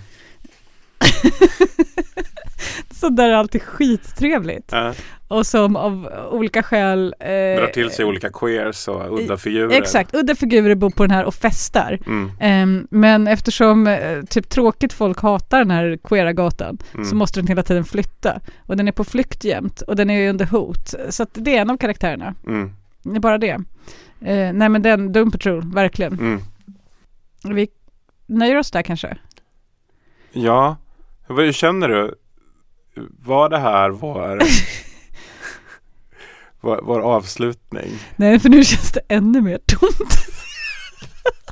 Om det kändes tomt innan vi spelade in det här Mm. så var det ändå, jag tror att det var därför jag ville att vi skulle göra ett till. Att det liksom på något sätt är man kvar ändå lite grann. Det, man har någon slags, eh, det är som att glömma sin jacka hemma hos någon. Mm.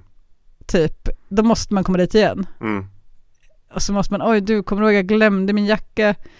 Nu, brukar inte jag göra det här bara så det står klart, men eh, Men det har hänt. nej. jo, det har hänt, men då har jag inte bett att komma tillbaks och hämta den. Då kan den jackan dö. Men, eh, nej men att glömma något hemma hos någon med flit för att få komma tillbaks. Mm. Så har det här avsnittet varit lite för mig tror jag. Man Mm. vill liksom, man vill göra, man vill vara kvar i världen, man, vill inte, man är inte beredd att släppa den. Tomheten man kände efter sista avsnittet gjorde att det var svårt att komma till punkten där vi skulle spela in det här. Mm. Men det är inget mot tomheten man känner nu. Det är otroligt bra not att sluta på. Jag tror nästan det. Tack för den här tiden hörni. Hej då! Hej då. If you think this has a happy ending, you haven't been paying attention.